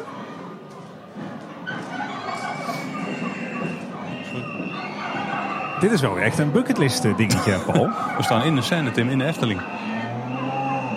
Tussen de animatronics. Nou, beter kan niet voor jou, Paul. De glazen kat is niet mee, die staat hard nee te schudden. Maakt lekker veel kabalen. Als je er middenin staat wel, ja. Ja. Wat, wat hebben jullie verder nog voor werk aan dit showtje? Of regelt het zichzelf? Eigenlijk regelt het zichzelf. We doen niet meer inderdaad dan een rolluik open. Ehm, we draaien het knopje om hem aan te zetten. Dat zit toevallig net aan de andere kant bij de deur. En eh, ja, we controleren natuurlijk wel netjes of dat alles het doet. Maar als iets het niet doet, dan, eh, ja, dan bellen wij gewoon de supportdesk op. Het is dus ook nog nooit opgevallen dat daar een rolluik zit. Maar die kun je ook bijna niet zien als je in de trein zelf zit. Want die eh, eindigt eraan Nee, boven de ook een dakrand. stuk lager. Ja. Nou, toch wel, ik vind dat altijd een tof element van eh, het stoomtreintraject. Leuk extraatje. Ja, zo loop je ook een keer op het spoor, wat normaal gesproken niet mag. Dat, eh, het voelt ook een beetje ongemakkelijk. ik zie, dit is trouwens ook wel interessant, Vicky. Ik zie hier, ja wat zie ik? Ik zie eigenlijk tussen de twee spoorstaven in, zie ik... Wat is het? Het is dus ook een soort vorm van sensor, denk ik, hè? Jazeker. Hiermee gaan eh, onze toeters en bellen af bij het overweg. Dus deze is inderdaad van eh, het Sprookjesbos hier. Dus als ik hier nou op ga staan, Die horen ze gaan, ja. dan hoor je in de verte hoor je de bel afgaan. En hoe werkt dat? Want dit is geen PVC-pijpje, denk ik, hè? Dit, dit is allemaal metaal, toch? Of niet? Durf ik zo niet te zeggen. Ik denk het wel. Want in principe dus, ja, hij, hij gaat ook niet zomaar af. Ik weet ook niet of dat hij bijvoorbeeld op jullie schoenen afgaat. Hij gaat wel met de diesel ook gaat hij inderdaad af. Met de trein natuurlijk gaat hij af. Ja, dus hij detecteert echt het metaal, zeg maar, van de ja, trein. volgens mij wel. En er werken zo alle spoorwegovergangen in het traject. Ja, alleen sommige inderdaad, deze zie je best goed, maar sommige zie je helemaal niet. Als ik dan dus inderdaad te voet mijn rondje doe, nou ja, dan moet ik bij sommigen moet ik echt eh, overal gaan stampen als het ware. In de hoop dat hij dan eindelijk een keer gaat werken. Want dan zit hij onder de stenen of eh, ja. Wat me dus wel opvalt, is je hebt de, de, de biels, hè, waar de stoomtrein eh, de rails oplicht. En sommige daarvan die hebben een soort markering erop zitten, een metalen markering. Dient die nog ergens voor? Nee, we hebben wel echt van die, van die, van die platen soms erop zitten. Dat je inderdaad weet waar dat het ongeveer zit. Maar die, eh, nee. Nee, die dient nergens voor, die je daar ziet. Die is ook heel creatief een B ingeslagen met spijkers. Maar Ja. dat wel een medewerker hebben gedaan die fanatiek was. Dat denk ik ook. Oh ja, ze zijn dat echt met spijkertjes gedaan. Ook voor uitbal. Nou, zo. Was mij nog niet eens opgevallen. En die kom je toch eh, bijna iedere ochtend. Ja, tweede thuis zeiden we net eigenlijk al. Hè? Nou Vicky, we hebben nog een hoop vragen voor jou. Maar het is buiten best fris. En we zijn onze jassen vergeten. Dus laten we snel naar binnen gaan om die daar eens te bespreken. Lekker naar binnen met een kop koffie. Oh, maar we kunnen ook nog even kijken bij de lok die mogelijk naar buiten gaat natuurlijk. Ja, bij Moortje. Die was volgens mij bijna al druk. Ja, net, we gaan even kijken of dat hij klaar is. net zat hij op 5 bar. Hij is nog niet eh, klaar voor Vicky, want hij wil 8 bar.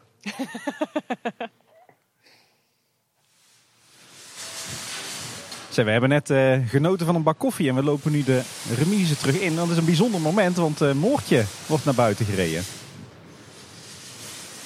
Flink in de stoomwalm staan we nu. Zo even goed natuurlijk om, eh, om, om te melden, want er is natuurlijk een stoomtrein braakt twee dingen uit. Hè? Stoom en rook. Dat zijn twee verschillende dingen. Nou, dit is wel duidelijk stoom. Dit is duidelijk stoom, ja? Rook valt nu wel mee. Ik zie wel zeg maar de warmte... Hoe noem je dat? Zo'n warmtewalm die er bovenuit komt. Zeg Vicky, eh Moortje wordt naar buiten gereden. Dit is, eh, nu, nu gaan jullie droog rijden, denk ik, hè? Als, eh, als ik goed heb opgelet. Ja, eh, ja, we kunnen wel even dichterbij gaan. Ik heb mijn kistjes aan, dus dat komt goed. Ja. Paul, mijn witte sportschoenen is een ander verhaal. Ja, maar die hebben gewoon zwarte zolen. We lopen nu langs het spoor. Dat moet je normaal gesproken natuurlijk nooit doen. Flinke stoomwalm rondom de trein. We lopen vanuit eh, de remise naar eh, station Marenrijk. Langs een heleboel transformatoren. Volgens mij allemaal voor droomvlucht. Langs verschillende wissels. Waarbij we natuurlijk de drie sporen uit de remise en de twee sporen uit de tunnel bij elkaar komen. Al nog met de hand bediend. Kijk, Vicky die zet er eentje om. Jij was even met, eh, met de wissel bezig, Vicky. Ik zie wissel 4. Dit zijn allemaal handmatige wissels die jullie eh, zelf omzetten. Ja, en wissel 4 is eigenlijk toch wel onze hoofdwissel. Dat is inderdaad om op de hoofdbaan terecht te komen. En eh, ja, hij is dus inderdaad net naar voren gereden. En nu rijdt hij zo meteen eh, met redelijk wat vaart achteruit om dus eh, te gaan droogrijden. Dan moeten we even een stapje naar achter zetten. Ik zie ook dat Ja, de wissel wordt op ook op slot gezet. Ja, ja, zeker. Dit is natuurlijk, eh, deze wissel gebruiken wij eh, de hele dag. En dan is het wel belangrijk dat hij natuurlijk zo blijft staan.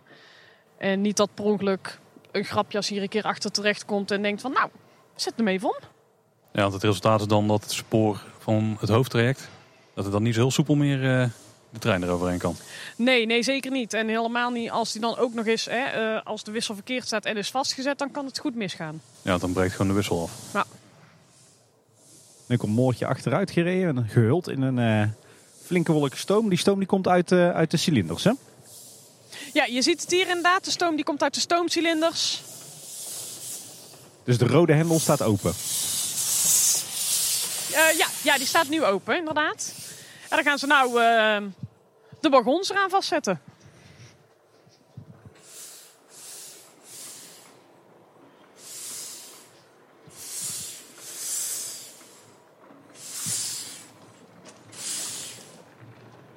Kijk, en nu wordt de tender vastgekoppeld aan eh, het treinstel, hè? Dus nou doen ze inderdaad de kabel van het licht, de kabel van het lucht.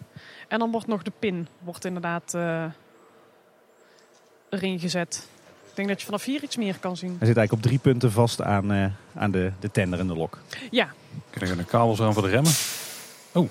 ja dat was de lucht. Perslucht, ja. En de kabel voor de verlichting zit er ook aan. En eh, dat, die stroom die komt eh, niet, niet vanuit de lok, maar die komt vanuit het aggregaat achter op de trein, hè? Dat is inderdaad vooral voor de lampjes van de wagons en de lamp vooraan van de trein. En er wordt hier nu een, eh, een leiding vastgehaakt aan, eh, volgens mij, de, de persluchttank in de tender. Ja. Zal er even wat, eh, wat perslucht bij Even een beetje extra lucht. Ondertussen wordt de lok nog een beetje opgepoetst. Het is toch wel een beetje jullie trots, hè, die loks. Ja, tuurlijk. We zijn er zuinig mee. Ze zijn ook al meer dan 100 jaar oud, dus mag ook wel. Ja, ja, ik bedoel, dit is dan toevallig de oudste, hè, Moortje 1907. En hij doet het nog steeds als een zonnetje. En hij doet het nog steeds. Kijk, er staat genoeg perslucht op de remmen. Kijk zo. En, en even voor, voor mijn beeld, want eh, we zitten nu vlak voor openingstijd. Jullie eerste rit is ook echt op openingstijd. We zorgen dat we op openingstijd in ieder geval daar met de trein staan. Ja, daar kunnen mensen instappen. Ja, en verder is, we houden ons niet heel specifiek aan tijden. Het is zo ongeveer iedere 25 minuten. Dus, uh, maar ja, weet je, uh, hebben we een keer twee rolstoelen of inderdaad een minderverliet die wat meer moeite heeft of wat meer gedoe met een kinderwagen, ja, dan duurt het langer. Ja. ja. ja, ja. Oh, het voordeel is als je geen, geen dienstregeling hebt, dan kan je ook niet te laat rijden. Nee, nee, dat is ons voordeel inderdaad.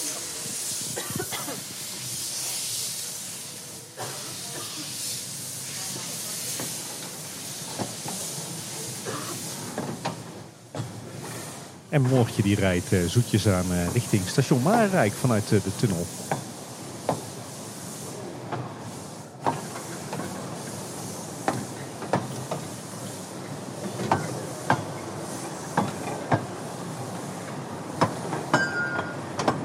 Om de beroemde woorden van een Tilburgse zanger te kedenk, kedenk, kedenk.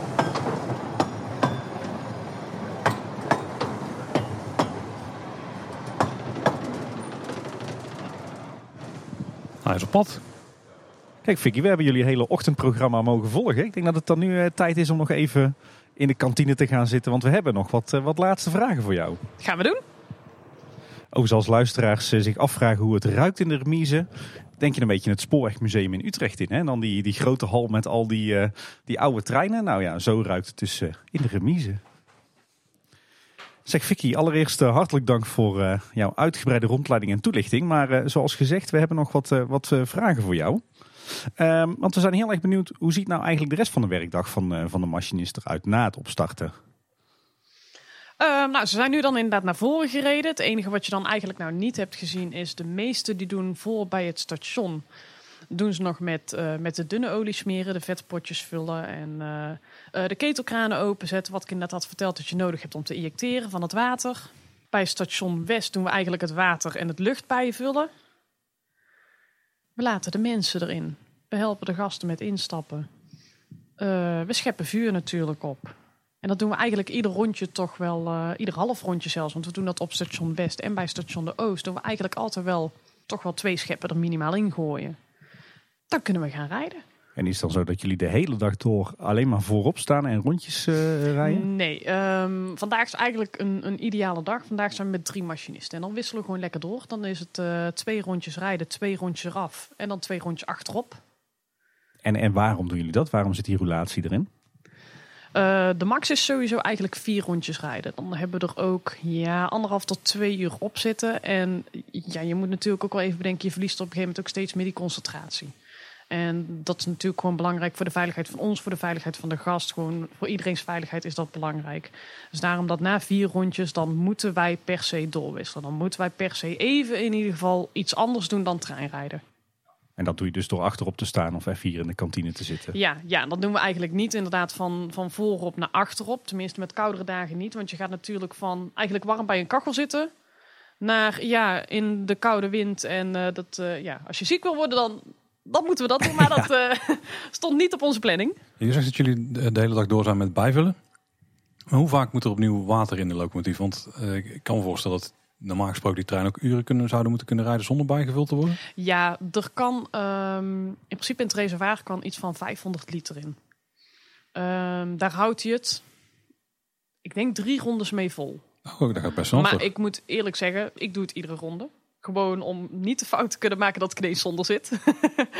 en uh, zo heeft iedereen natuurlijk zichzelf op een bepaalde manier aangeleerd. Er zijn ook heel, heel veel collega's en die weten gewoon, nou ik rij nu twee rondjes en neem mijn collega het over. Dus ik zorg gewoon dat ik hem netjes afgeef aan mijn collega. Dus dan vul ik hem bij. Hey, je hebt het over de temperatuur voorop. Ik kan me voorstellen dat jullie het in de zomer wel verrekte heet hebben. In de zomer is het, uh, nee, zeker geen pretje. Ik bedoel, je gaat in de zomer ook inderdaad geen kachel aanmaken en er lekker bij zitten. Nou ja, dat, dat doen wij in principe wel. Maar ja, ja Weet je, het, het, is nergens in de zomer een pretje. Zo moet je het ook maar bekijken. Hè? Het is overal warm en iedereen zweet. En uh, ja, ja. Hoort er gewoon bij. Het hoort er gewoon bij. Je weet waarvoor je tekent. Vind, vind ik trouwens wel interessant. Hebben nou de weersomstandigheden en de tijd van het jaar ook nog invloed op hoe jij de trein rijdt? Het echt warme temperaturen, dan kan het ook wel zijn dat we na één ronde doorwisselen. Want ja, je focus natuurlijk en uh, je moet met je kopje erbij blijven. En dat, dat is dan gewoon ook niet te doen als je dan twee rondjes gaat rijden. Je merkt dan echt wel dat je op een gegeven moment hè, wat duffel wordt en uh, verkoeling nodig hebt. Vooral aan je hoofd. dus uh, Nee, dus daar wordt ook wel echt rekening mee gehouden. En dat hebben ze afgelopen zomer is dat ook netjes gedaan. Is er eigenlijk altijd wel een extra mannetje bij geregeld. Dat je wat makkelijker door kan ruilen. Dat iedereen echt wel eh, zijn rust natuurlijk goed kan nemen. Ja. En ik heb ook al meermaals meegemaakt dat als het echt lange tijd heel droog en warm was, dat de stoomtrainer ook helemaal uitlag.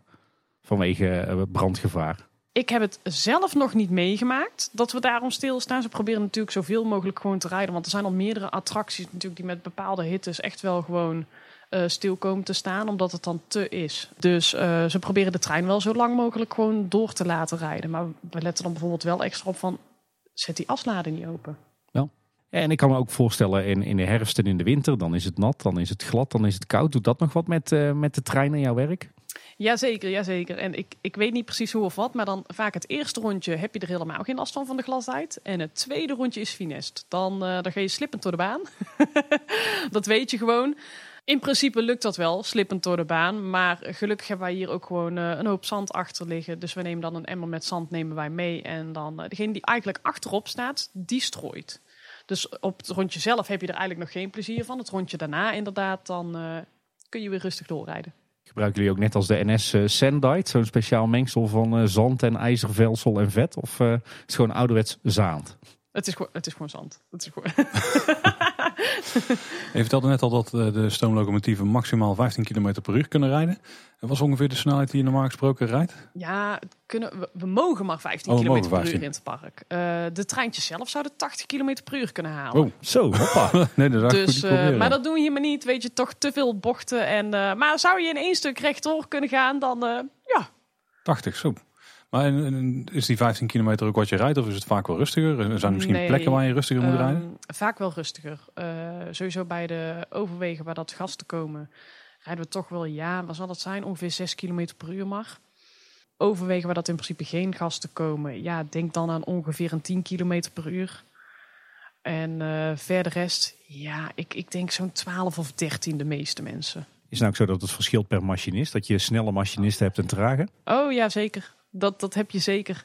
Ehm, daarom ook eh, heel slim bedacht met twee treinen voortaan. Hebben we echt wel een lijstje van om de 25 minuten moet je vertrekken vanaf een bepaald station. Want anders inderdaad heb je een snellere machinist met een machinist die wat rustiger rijdt. Ja, die rijdt dan natuurlijk de hele tijd eigenlijk in principe tegen elkaar aan. Maar dat gaat dus echt met een soort van dienstregeling. Zodat jullie elkaar insignen van ik ben klaar om weg te gaan. Jij ook al? Nee, nee met twee treinen hebben we gewoon eh, tijdstippen. Dus stel, het, eh, het eerste rondje zou dan om eh 10 uur beginnen. Dan vertrekt de ene van oost, de ander van west. Nou beginnen we nooit met twee treinen tegelijk. Want dat is in de ochtend niet nodig om 10 uur s ochtends.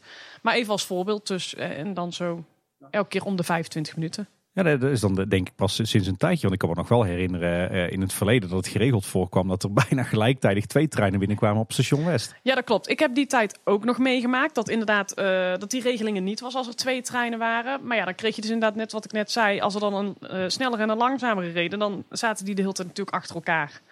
En ehm, daarom is op een gegeven moment toch een, een soort regeling bedacht.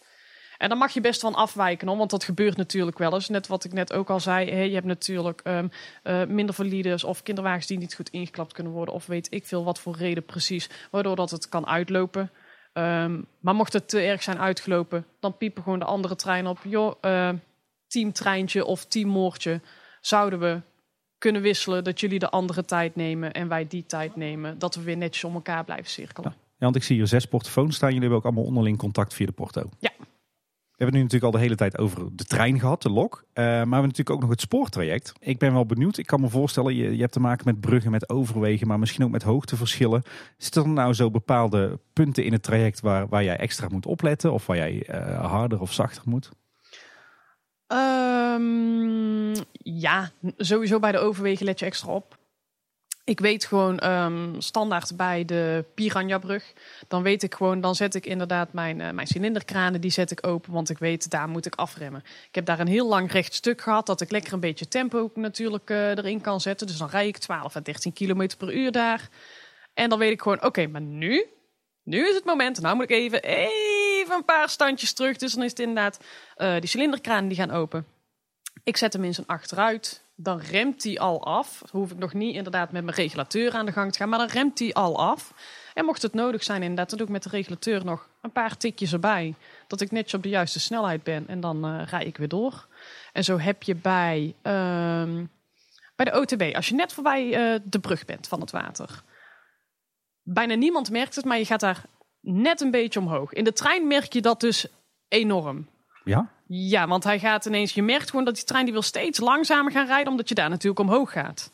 Dus dan merk je toch, je moet net iets die, die regulateur of wat verder openzetten. Ja, of je, je laat hem wat langzamer gaan totdat je bij station de Oost bent. Dat kan ook. Oké. En mij is ook wel eens verteld dat het stukje vanaf zeg maar, het carouselpaleis tot het bochtje bij de speelweide, dat het ook een heel venijnig stukje is voor jullie. Ja, ja, helemaal als het glad is. Dan, eh, dan slip je daar enorm erg. Het is natuurlijk bocht na bocht na bocht na bocht. En eh, daar heeft hij dan echt wel moeite om doorheen te komen. Dat, eh, ja, daar moet je ook echt wel, ja, daar kun je nog geen gas geven. Dan moet je gewoon rustig aan doen.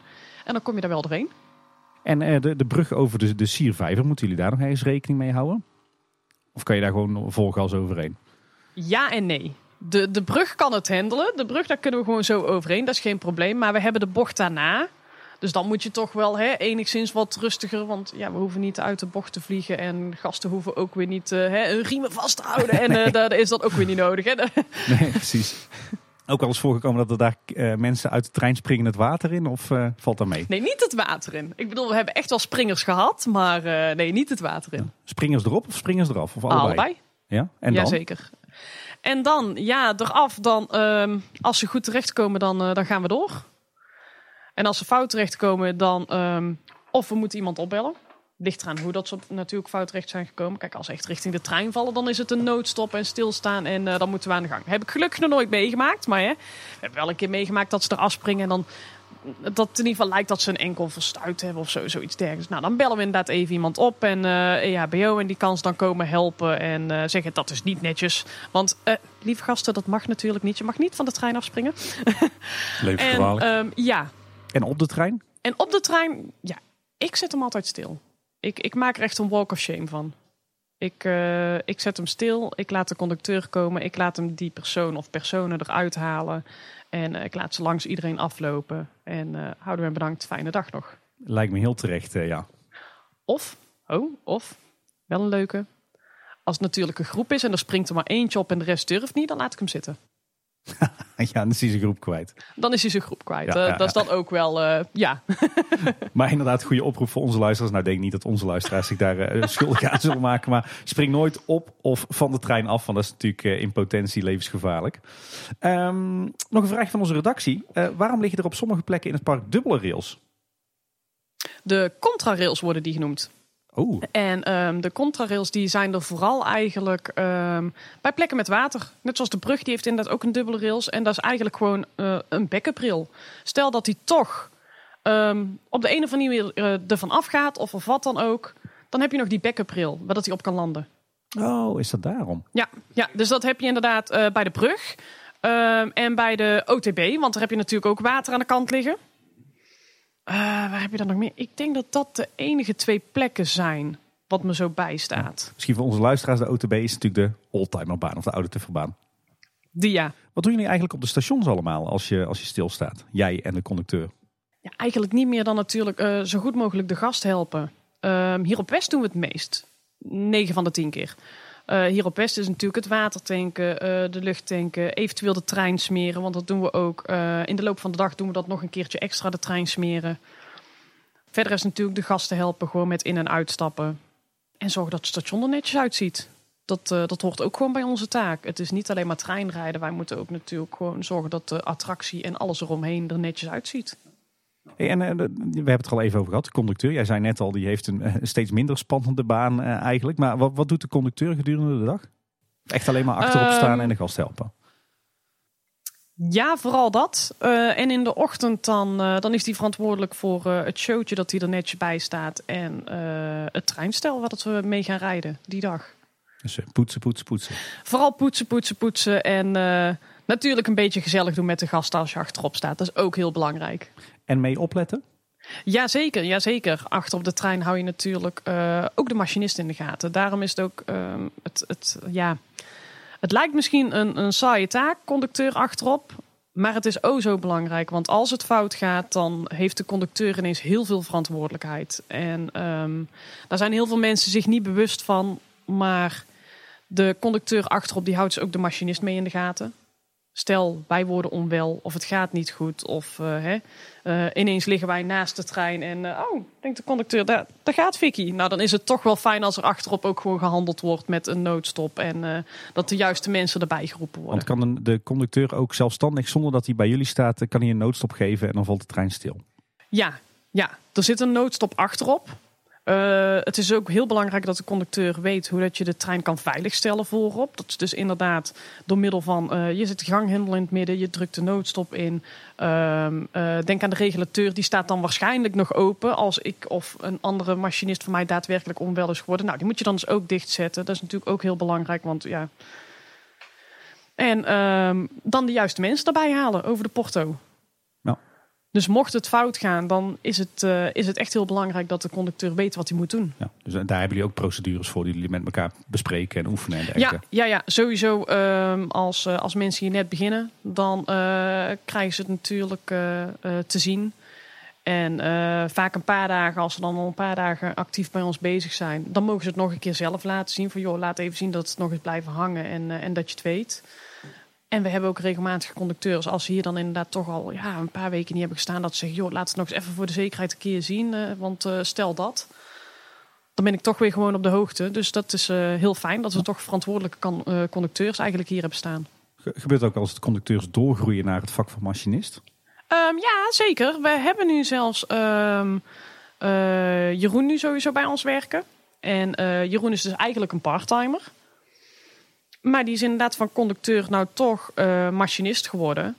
En ja, aan de ene kant voor ons natuurlijk ideaal. Want als wij natuurlijk vakantie willen hebben, dan is hij natuurlijk vooral beschikbaar. Ja, ja. Dus uh, ja. ja. ja. dus dat hebben ze wel eens uh, in het verleden ook gedaan. En nu ook. En we hebben het nu natuurlijk vooral gehad over het begin van de dag en de loop van de dag. Maar hebben jullie zo aan het eind van de dag ook een, een afsluitprogramma met, met de treinen?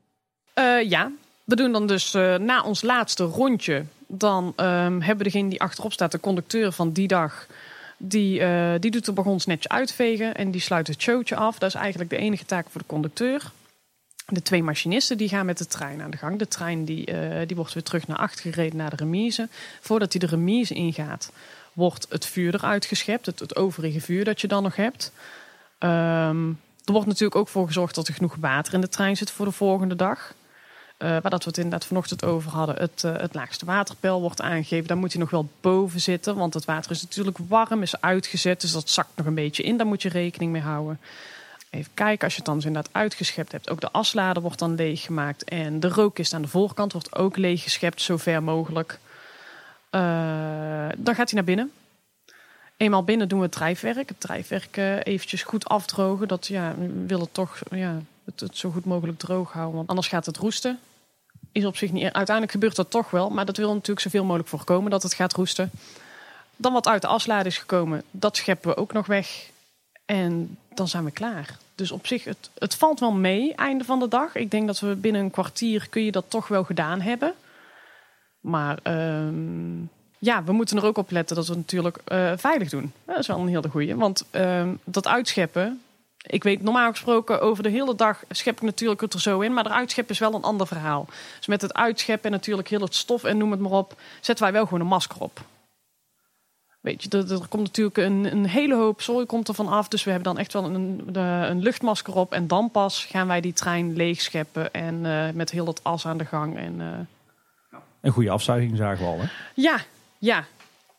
Is het nou dat de code die je in het begin van de dag erop schept, dat die voldoende zijn voor de hele dag? Of voor die nou nog regelmatig? Nee. nee, wij doen eigenlijk op ieder station doen wij opscheppen. Okay. Of je bedoelt in de tender, wat in de tender, ja, wat in de zit. tender zit. Ja. In de tender zorgen we dat er genoeg zit voor een hele dag. Oké. Okay.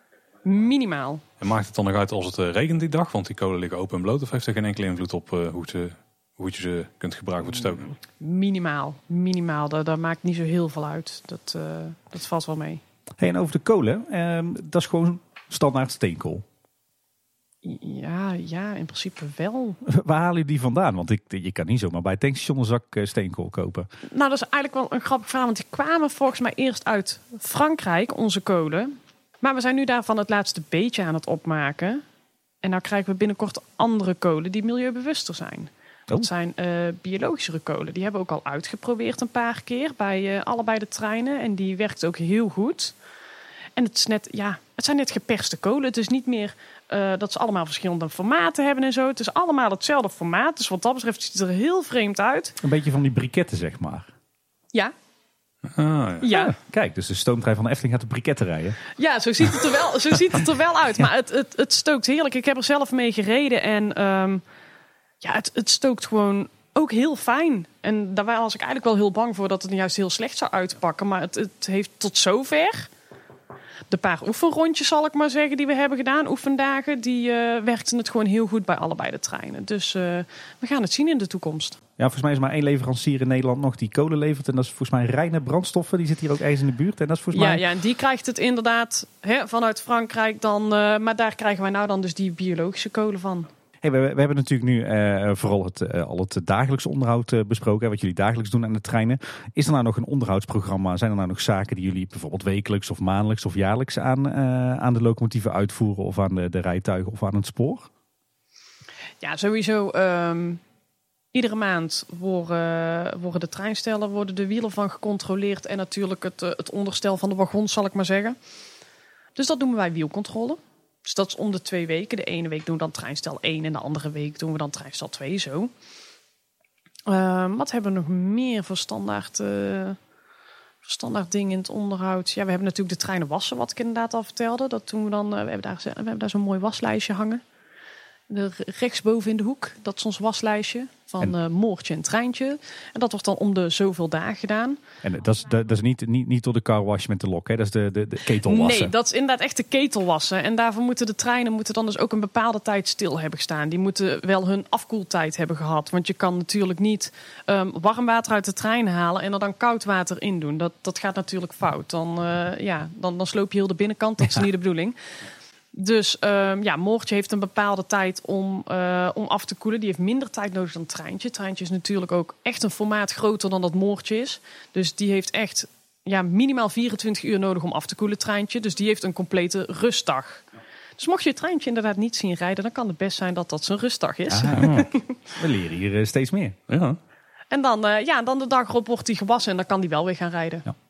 Oké. En eh, stel dat de wielen nou eh, vierkant worden. Hè? Kunnen jullie dan ook, hebben jullie dan ook zelf een kuilwielenbank om die wielen weer, eh, weer rond te maken? Of eh, komen er dan gewoon nieuwe exemplaren? Nee, we hebben gewoon nieuwe exemplaren. We hebben hier gewoon eh, wielen mooi op voorraad liggen. En eh, die worden dan of de dag zelf of de volgende dag worden die gewoon vervangen. Dat eh, is in principe zo gedaan. We hebben hier eh, alles eh, bij de hand ervoor dus. Oh, oké. Ik kan me voorstellen dat het best een operatie is, maar dat is gewoon...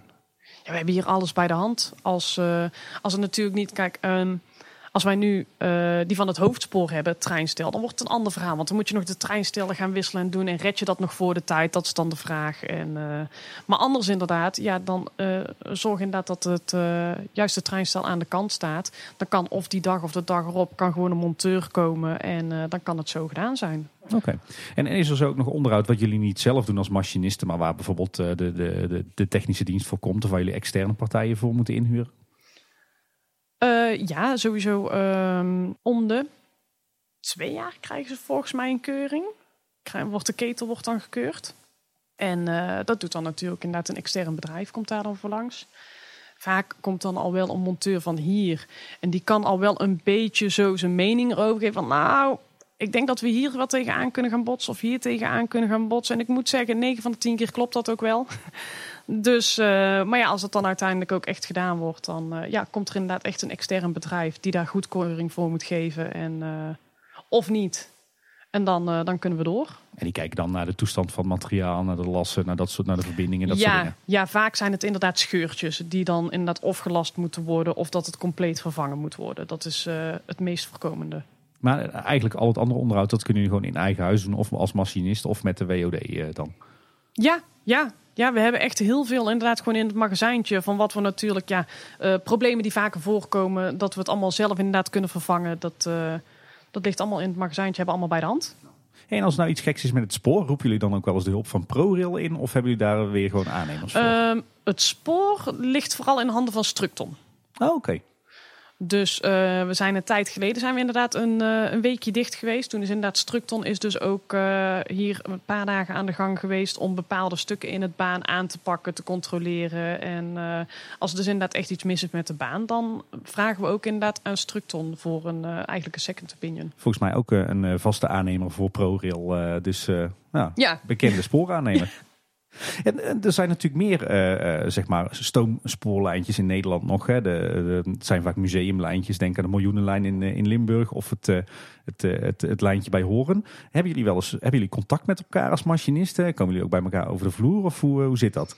Nee, nee, niet per se. Ik heb hier toevallig een, een collega hier van ons nu. Die, ehm, die is dan wel actief geweest in, in Katwijk. Daar, daar was hij dan bekend. Dus die heeft wel inderdaad eh, hè, zo zijn contacten. Maar wij zelf persoonlijk, ja nee, niet per se. We zijn de laatste keer, dat was wel heel leuk, gewoon een uitje naar het Spoorwegmuseum met z'n allen. en dan merk je toch wel van, nou hè, oké, hier, zijn, hier zijn we best wel op onze plek. Dit, eh, dit Ik- zint ons wel. Ik kan me voorstellen dat het een uitje was met een vrij hoge nerdfactor. Ja. ja, best wel. Ge- Geef ons eens een indruk. Hoe ging het eraan toe in het Spoorwegmuseum dan met jullie clubje? Nou ja, ja hoe, hoe moet je dat voor je zien? Hè? Je- ja, ehm, ze, ze zullen vast wel andere vragen gekregen hebben van ons dan de normale mens, zal ik maar zeggen. Maar het was ook wel heel tof, want ehm, ze hebben daar natuurlijk ook gigantische stoomtreinen staan. En dan, dan ben je natuurlijk helemaal blij dat ze zeggen: Oh, maar wij, wij doen dat bordje wel voor jullie aan de kant hoor, dat je erop mag. En dan denk ik: Yeah, wij wel, want wij zijn hier van de stoomtrein, wij mogen dit. Ja. En dan is het ook meteen, oh, waar zit die de regulateur? Waar zit die de Ja, ja, ganghendel? we zijn meteen. Nou, je zit er dan hè, met, drie, met drie man sterk. Stonden we inderdaad naast elkaar. Stonden we al te puzzelen hoe dat het allemaal in elkaar zat. En eh, ja, het is gewoon eigenlijk wat we hier in het kleine, maar dan daar in het grote. Dus, hè, puzzel oplossen met z'n drieën. dat, eh, dat is top. Dat is echt. eh, Techniek is hetzelfde natuurlijk. Hè? Ja, ja, schitterend, schitterend. De reden dat jullie met twee treinen rijden is omdat er twee stations zijn. En dan, anders dan kom je ja in de met een derde, dat zou echt niet, eh, niet mogelijk zijn. Want ehm, je legt natuurlijk ook heel veel druk op degene die bij de station staan. Want ja, er is er eentje onderweg en die is er binnen vijf minuten. Dus je moet wel binnen vijf minuten je mensen eruit hebben en erin hebben. Nou, net wat ik toen straks al zei, je zal allemaal een rolstoel hebben. Of inderdaad de kinderwagen niet ingeklapt kunnen worden. Of eh, weet ik veel, er gebeurt iets, iemand is gevallen. Dan, dan heb je alweer een trein achter je staan. Dus dat, eh, nee, dat, dat, is, dat is niet, eh, niet handig. Nee, dan zou ik het echt bij twee treinen houden. Viel me op, het, het, het is bijna of de, de, de loks jullie kindjes zijn. Ja. Ja, soms wel, soms wel. We, ja, we, zijn, ja we, we vinden onze baan eh, vinden we wat dat betreft gewoon echt heel tof. En eh, wat dat betreft eh, durf ik ook echt wel te zeggen en te spreken voor ons allemaal. Ja, wij hebben echt wel het, het tofste baantje hier in Efteling. Je maakt nou zelf al heel mooi het spoorbruggetje naar onze volgende vraag. Want wat is er voor jou nou zo mooi aan het werken als machinist? Ja, het, het daadwerkelijk eh, zelf zoveel bezig zijn met de attractie. Het, het, het is zo. Je bent continu met elkaar, met de trein, echt aan het werk. Als, als jij niet doet wat de trein nodig heeft, dan zal de trein het je ook niet geven. Dat, dat is eigenlijk hoe het werkt. Zo gaat het spelletje. Dus, en dat, dat doe je de hele dag door. Ik moet zorgen, oké, de trein die moet genoeg water en vuur hebben. En dan zorgt de trein ervoor in dat, dat mijn druk netjes blijft en dat die lekker blijft rijden. En, eh, en doe ik dat niet, ja, dan rijdt hij ook gewoon niet lekker. Dus ik moet, ik moet goed voor de trein zorgen, dan zorgt de trein goed voor mij. Dus eigenlijk continu actie-reactie ook. Ja.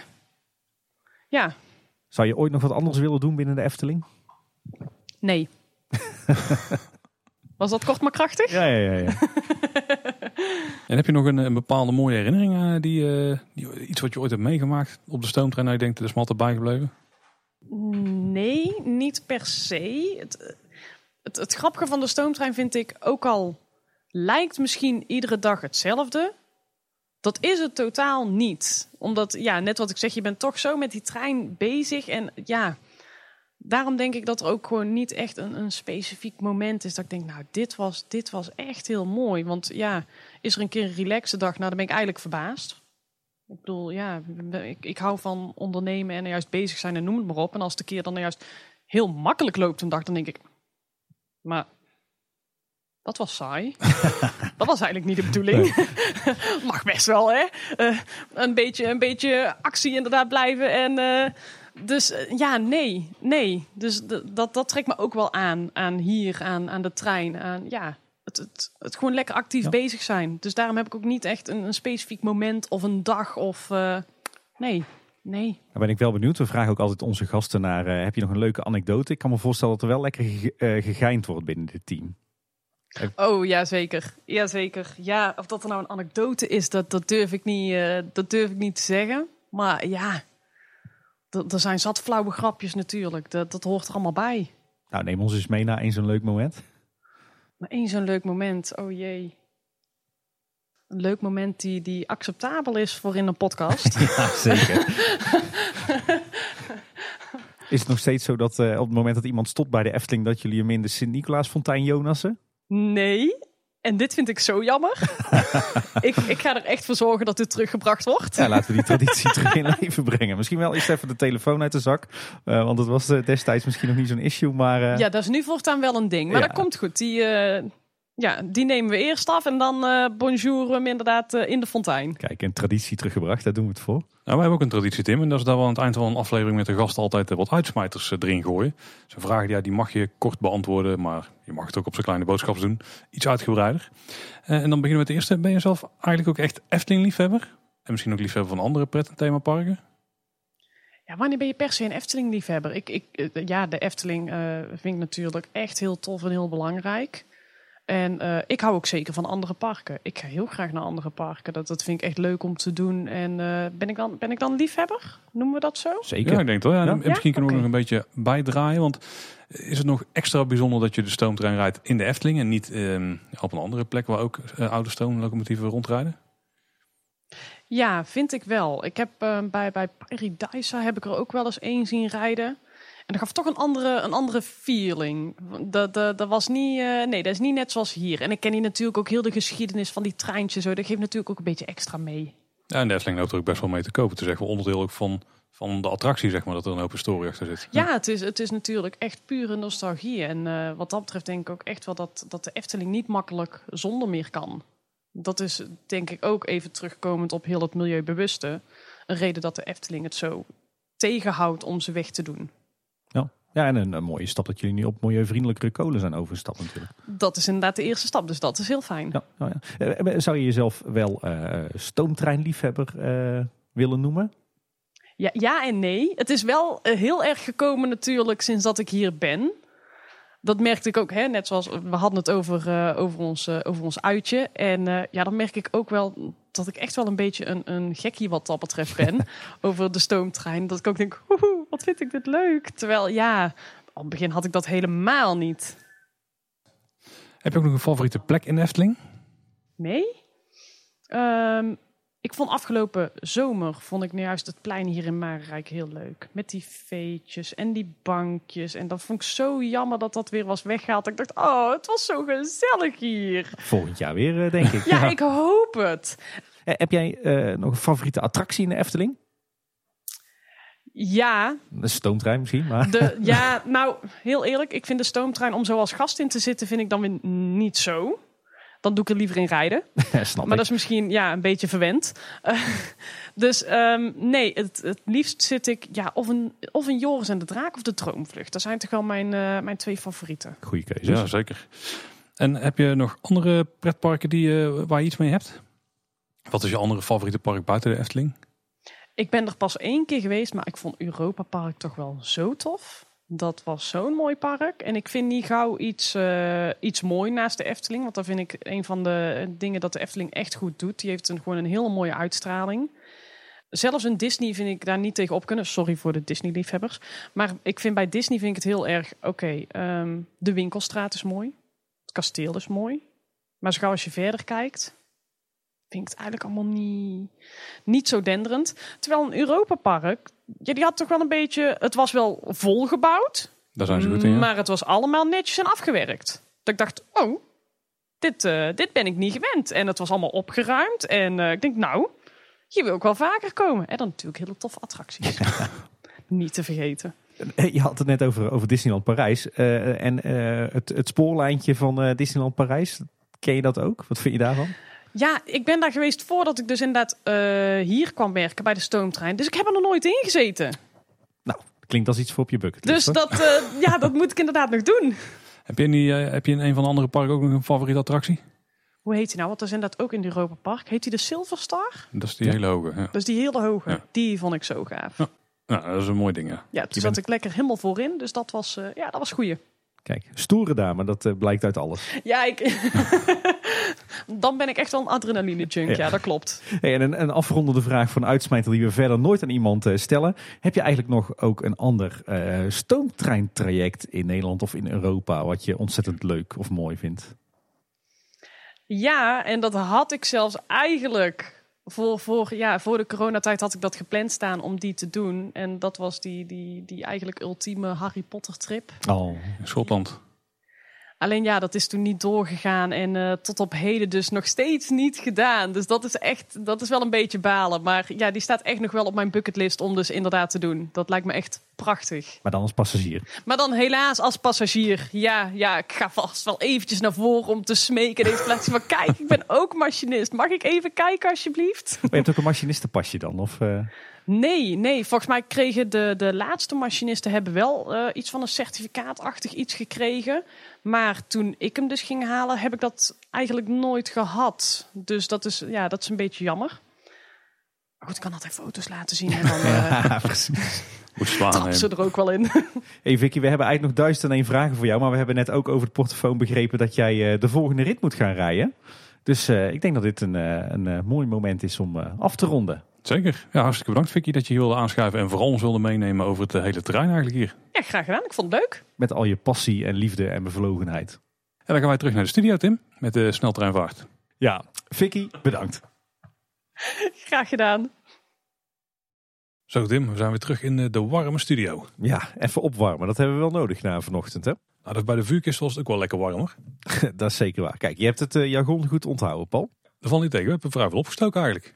Ja, zeker. Het was een hele interessante en, eh, en leerzame ochtend. Niet Ja. alleen over eh, de Efteling Stoomtreinmaatschappij, maar ook wel over stoomlocomotieven in algemene zin. Hè?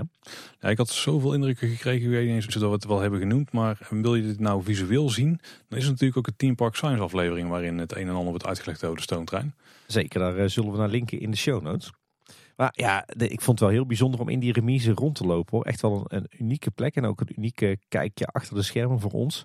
Heerlijk die, die geur die daar hangt. En ondanks dat het een vrij modern gebouw is, ja, hangt er toch echt zo'n nostalgische sfeer. Hè? Met al die, die stoomloks en al die onderdelen en apparaten.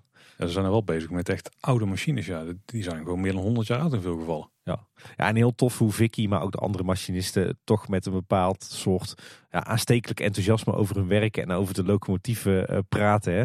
Vol liefde en eh, bevlogenheid. Ik had na vanochtend bijna zoiets van, ah, dit is wel zo tof. Ik zou bijna zelf machinist willen, willen worden. En ik moet zeggen, mijn, mijn waardering voor de machinisten en de conducteurs en ook voor ja, gewoon de Efteling stoomtrein in algemene zin, die is echt wel, wel enorm gestegen nu we weten wat er allemaal achter steekt.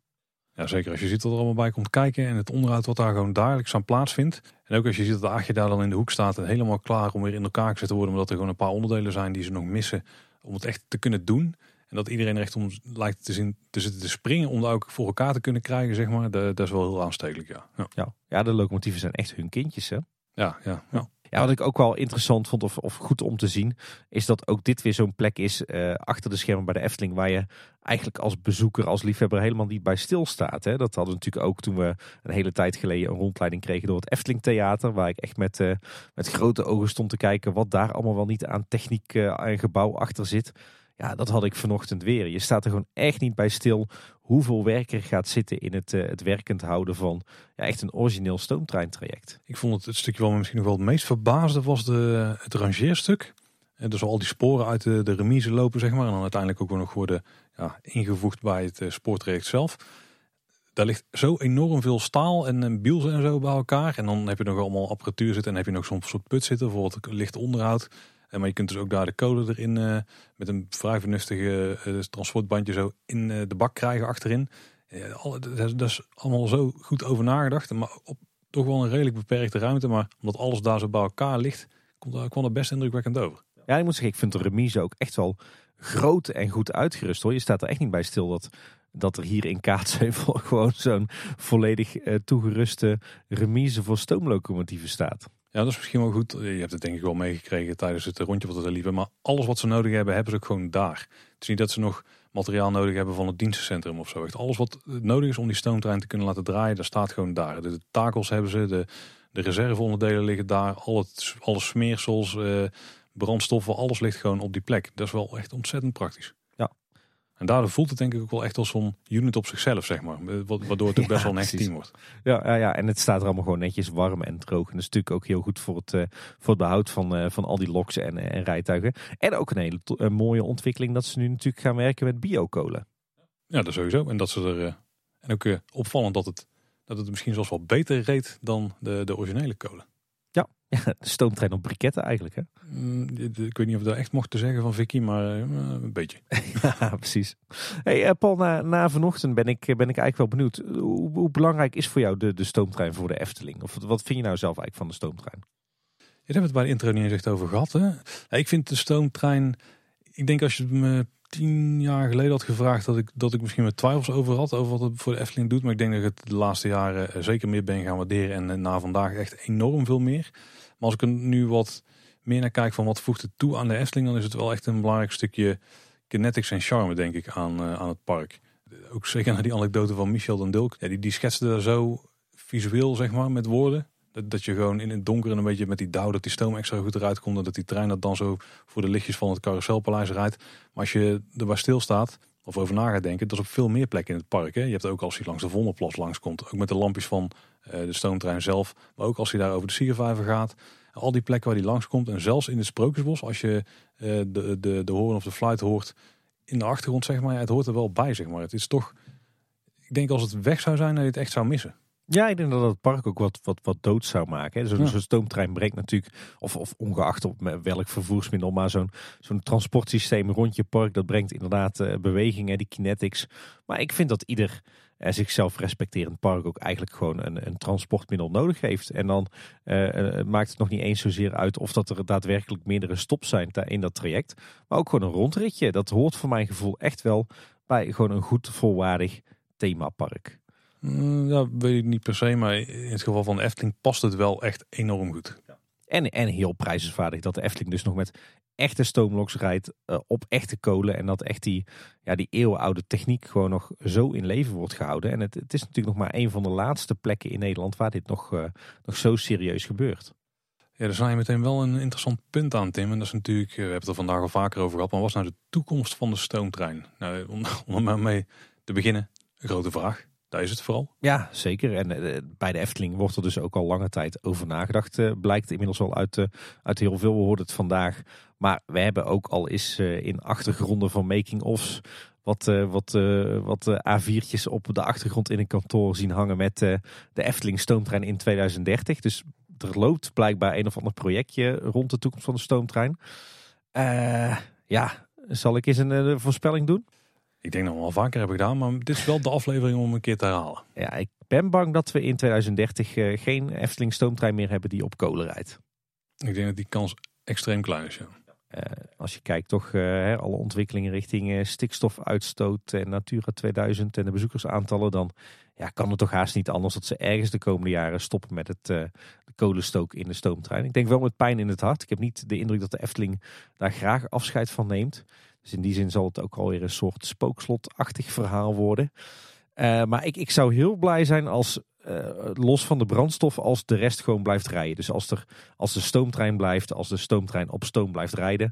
Nou ja, dan is de vraag, wat wordt dan uh, de warmtebron? Is er een alternatieve warmtebron die de stoom kan leveren die je nodig hebt om die locomotiefjes te rijden?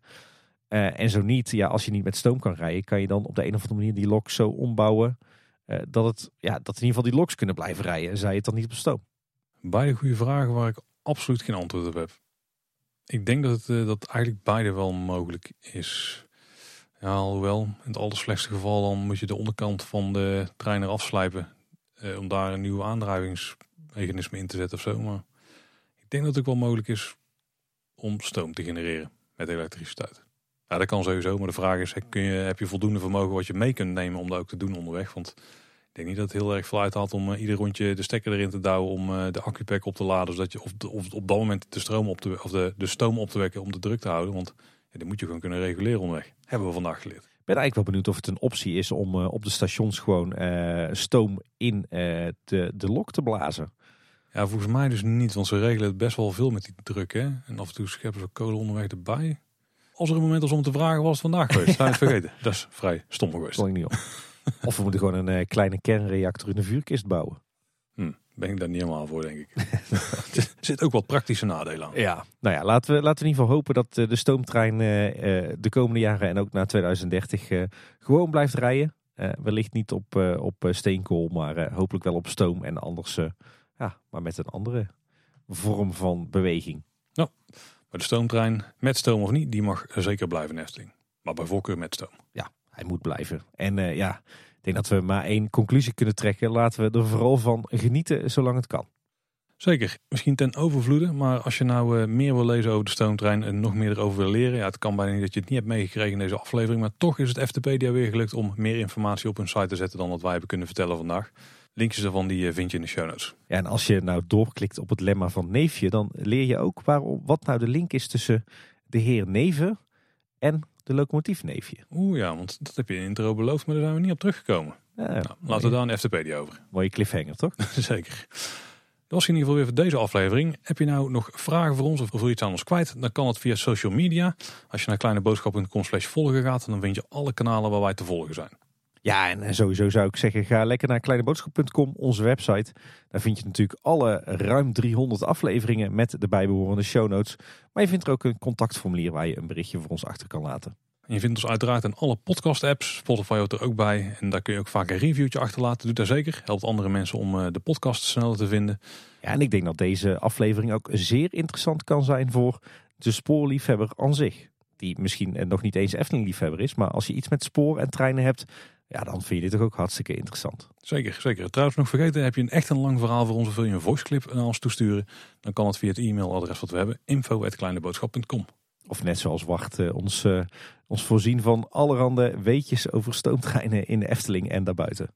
Daar hebben wij geen enkel probleem mee. Hey Paul, dan rest ons nog denk ik vooral om de Efteling ontzettend te bedanken voor deze hele toffe dag. Want dit was echt een uniek kijkje achter de schermen waar ik eh, ontzettend van heb genoten. Dit was wel echt een van mijn memorabele Efteling dagen dit jaar. Zeker met name Vicky bedankt. En ook de andere machinisten die eh, rondliepen die dag. Want veel mensen hebben ons allerlei mooie dingen rondom de stoomtreinen laten zien. Ja, en buiten de microfoon om hebben we ook gewoon een hele gezellige ochtend eh, gehad. Zeker, zeker. Dat was hij in ieder geval weer voor deze week. Bedankt voor het luisteren. Tot de volgende keer. En houdoe. Houdoe waar.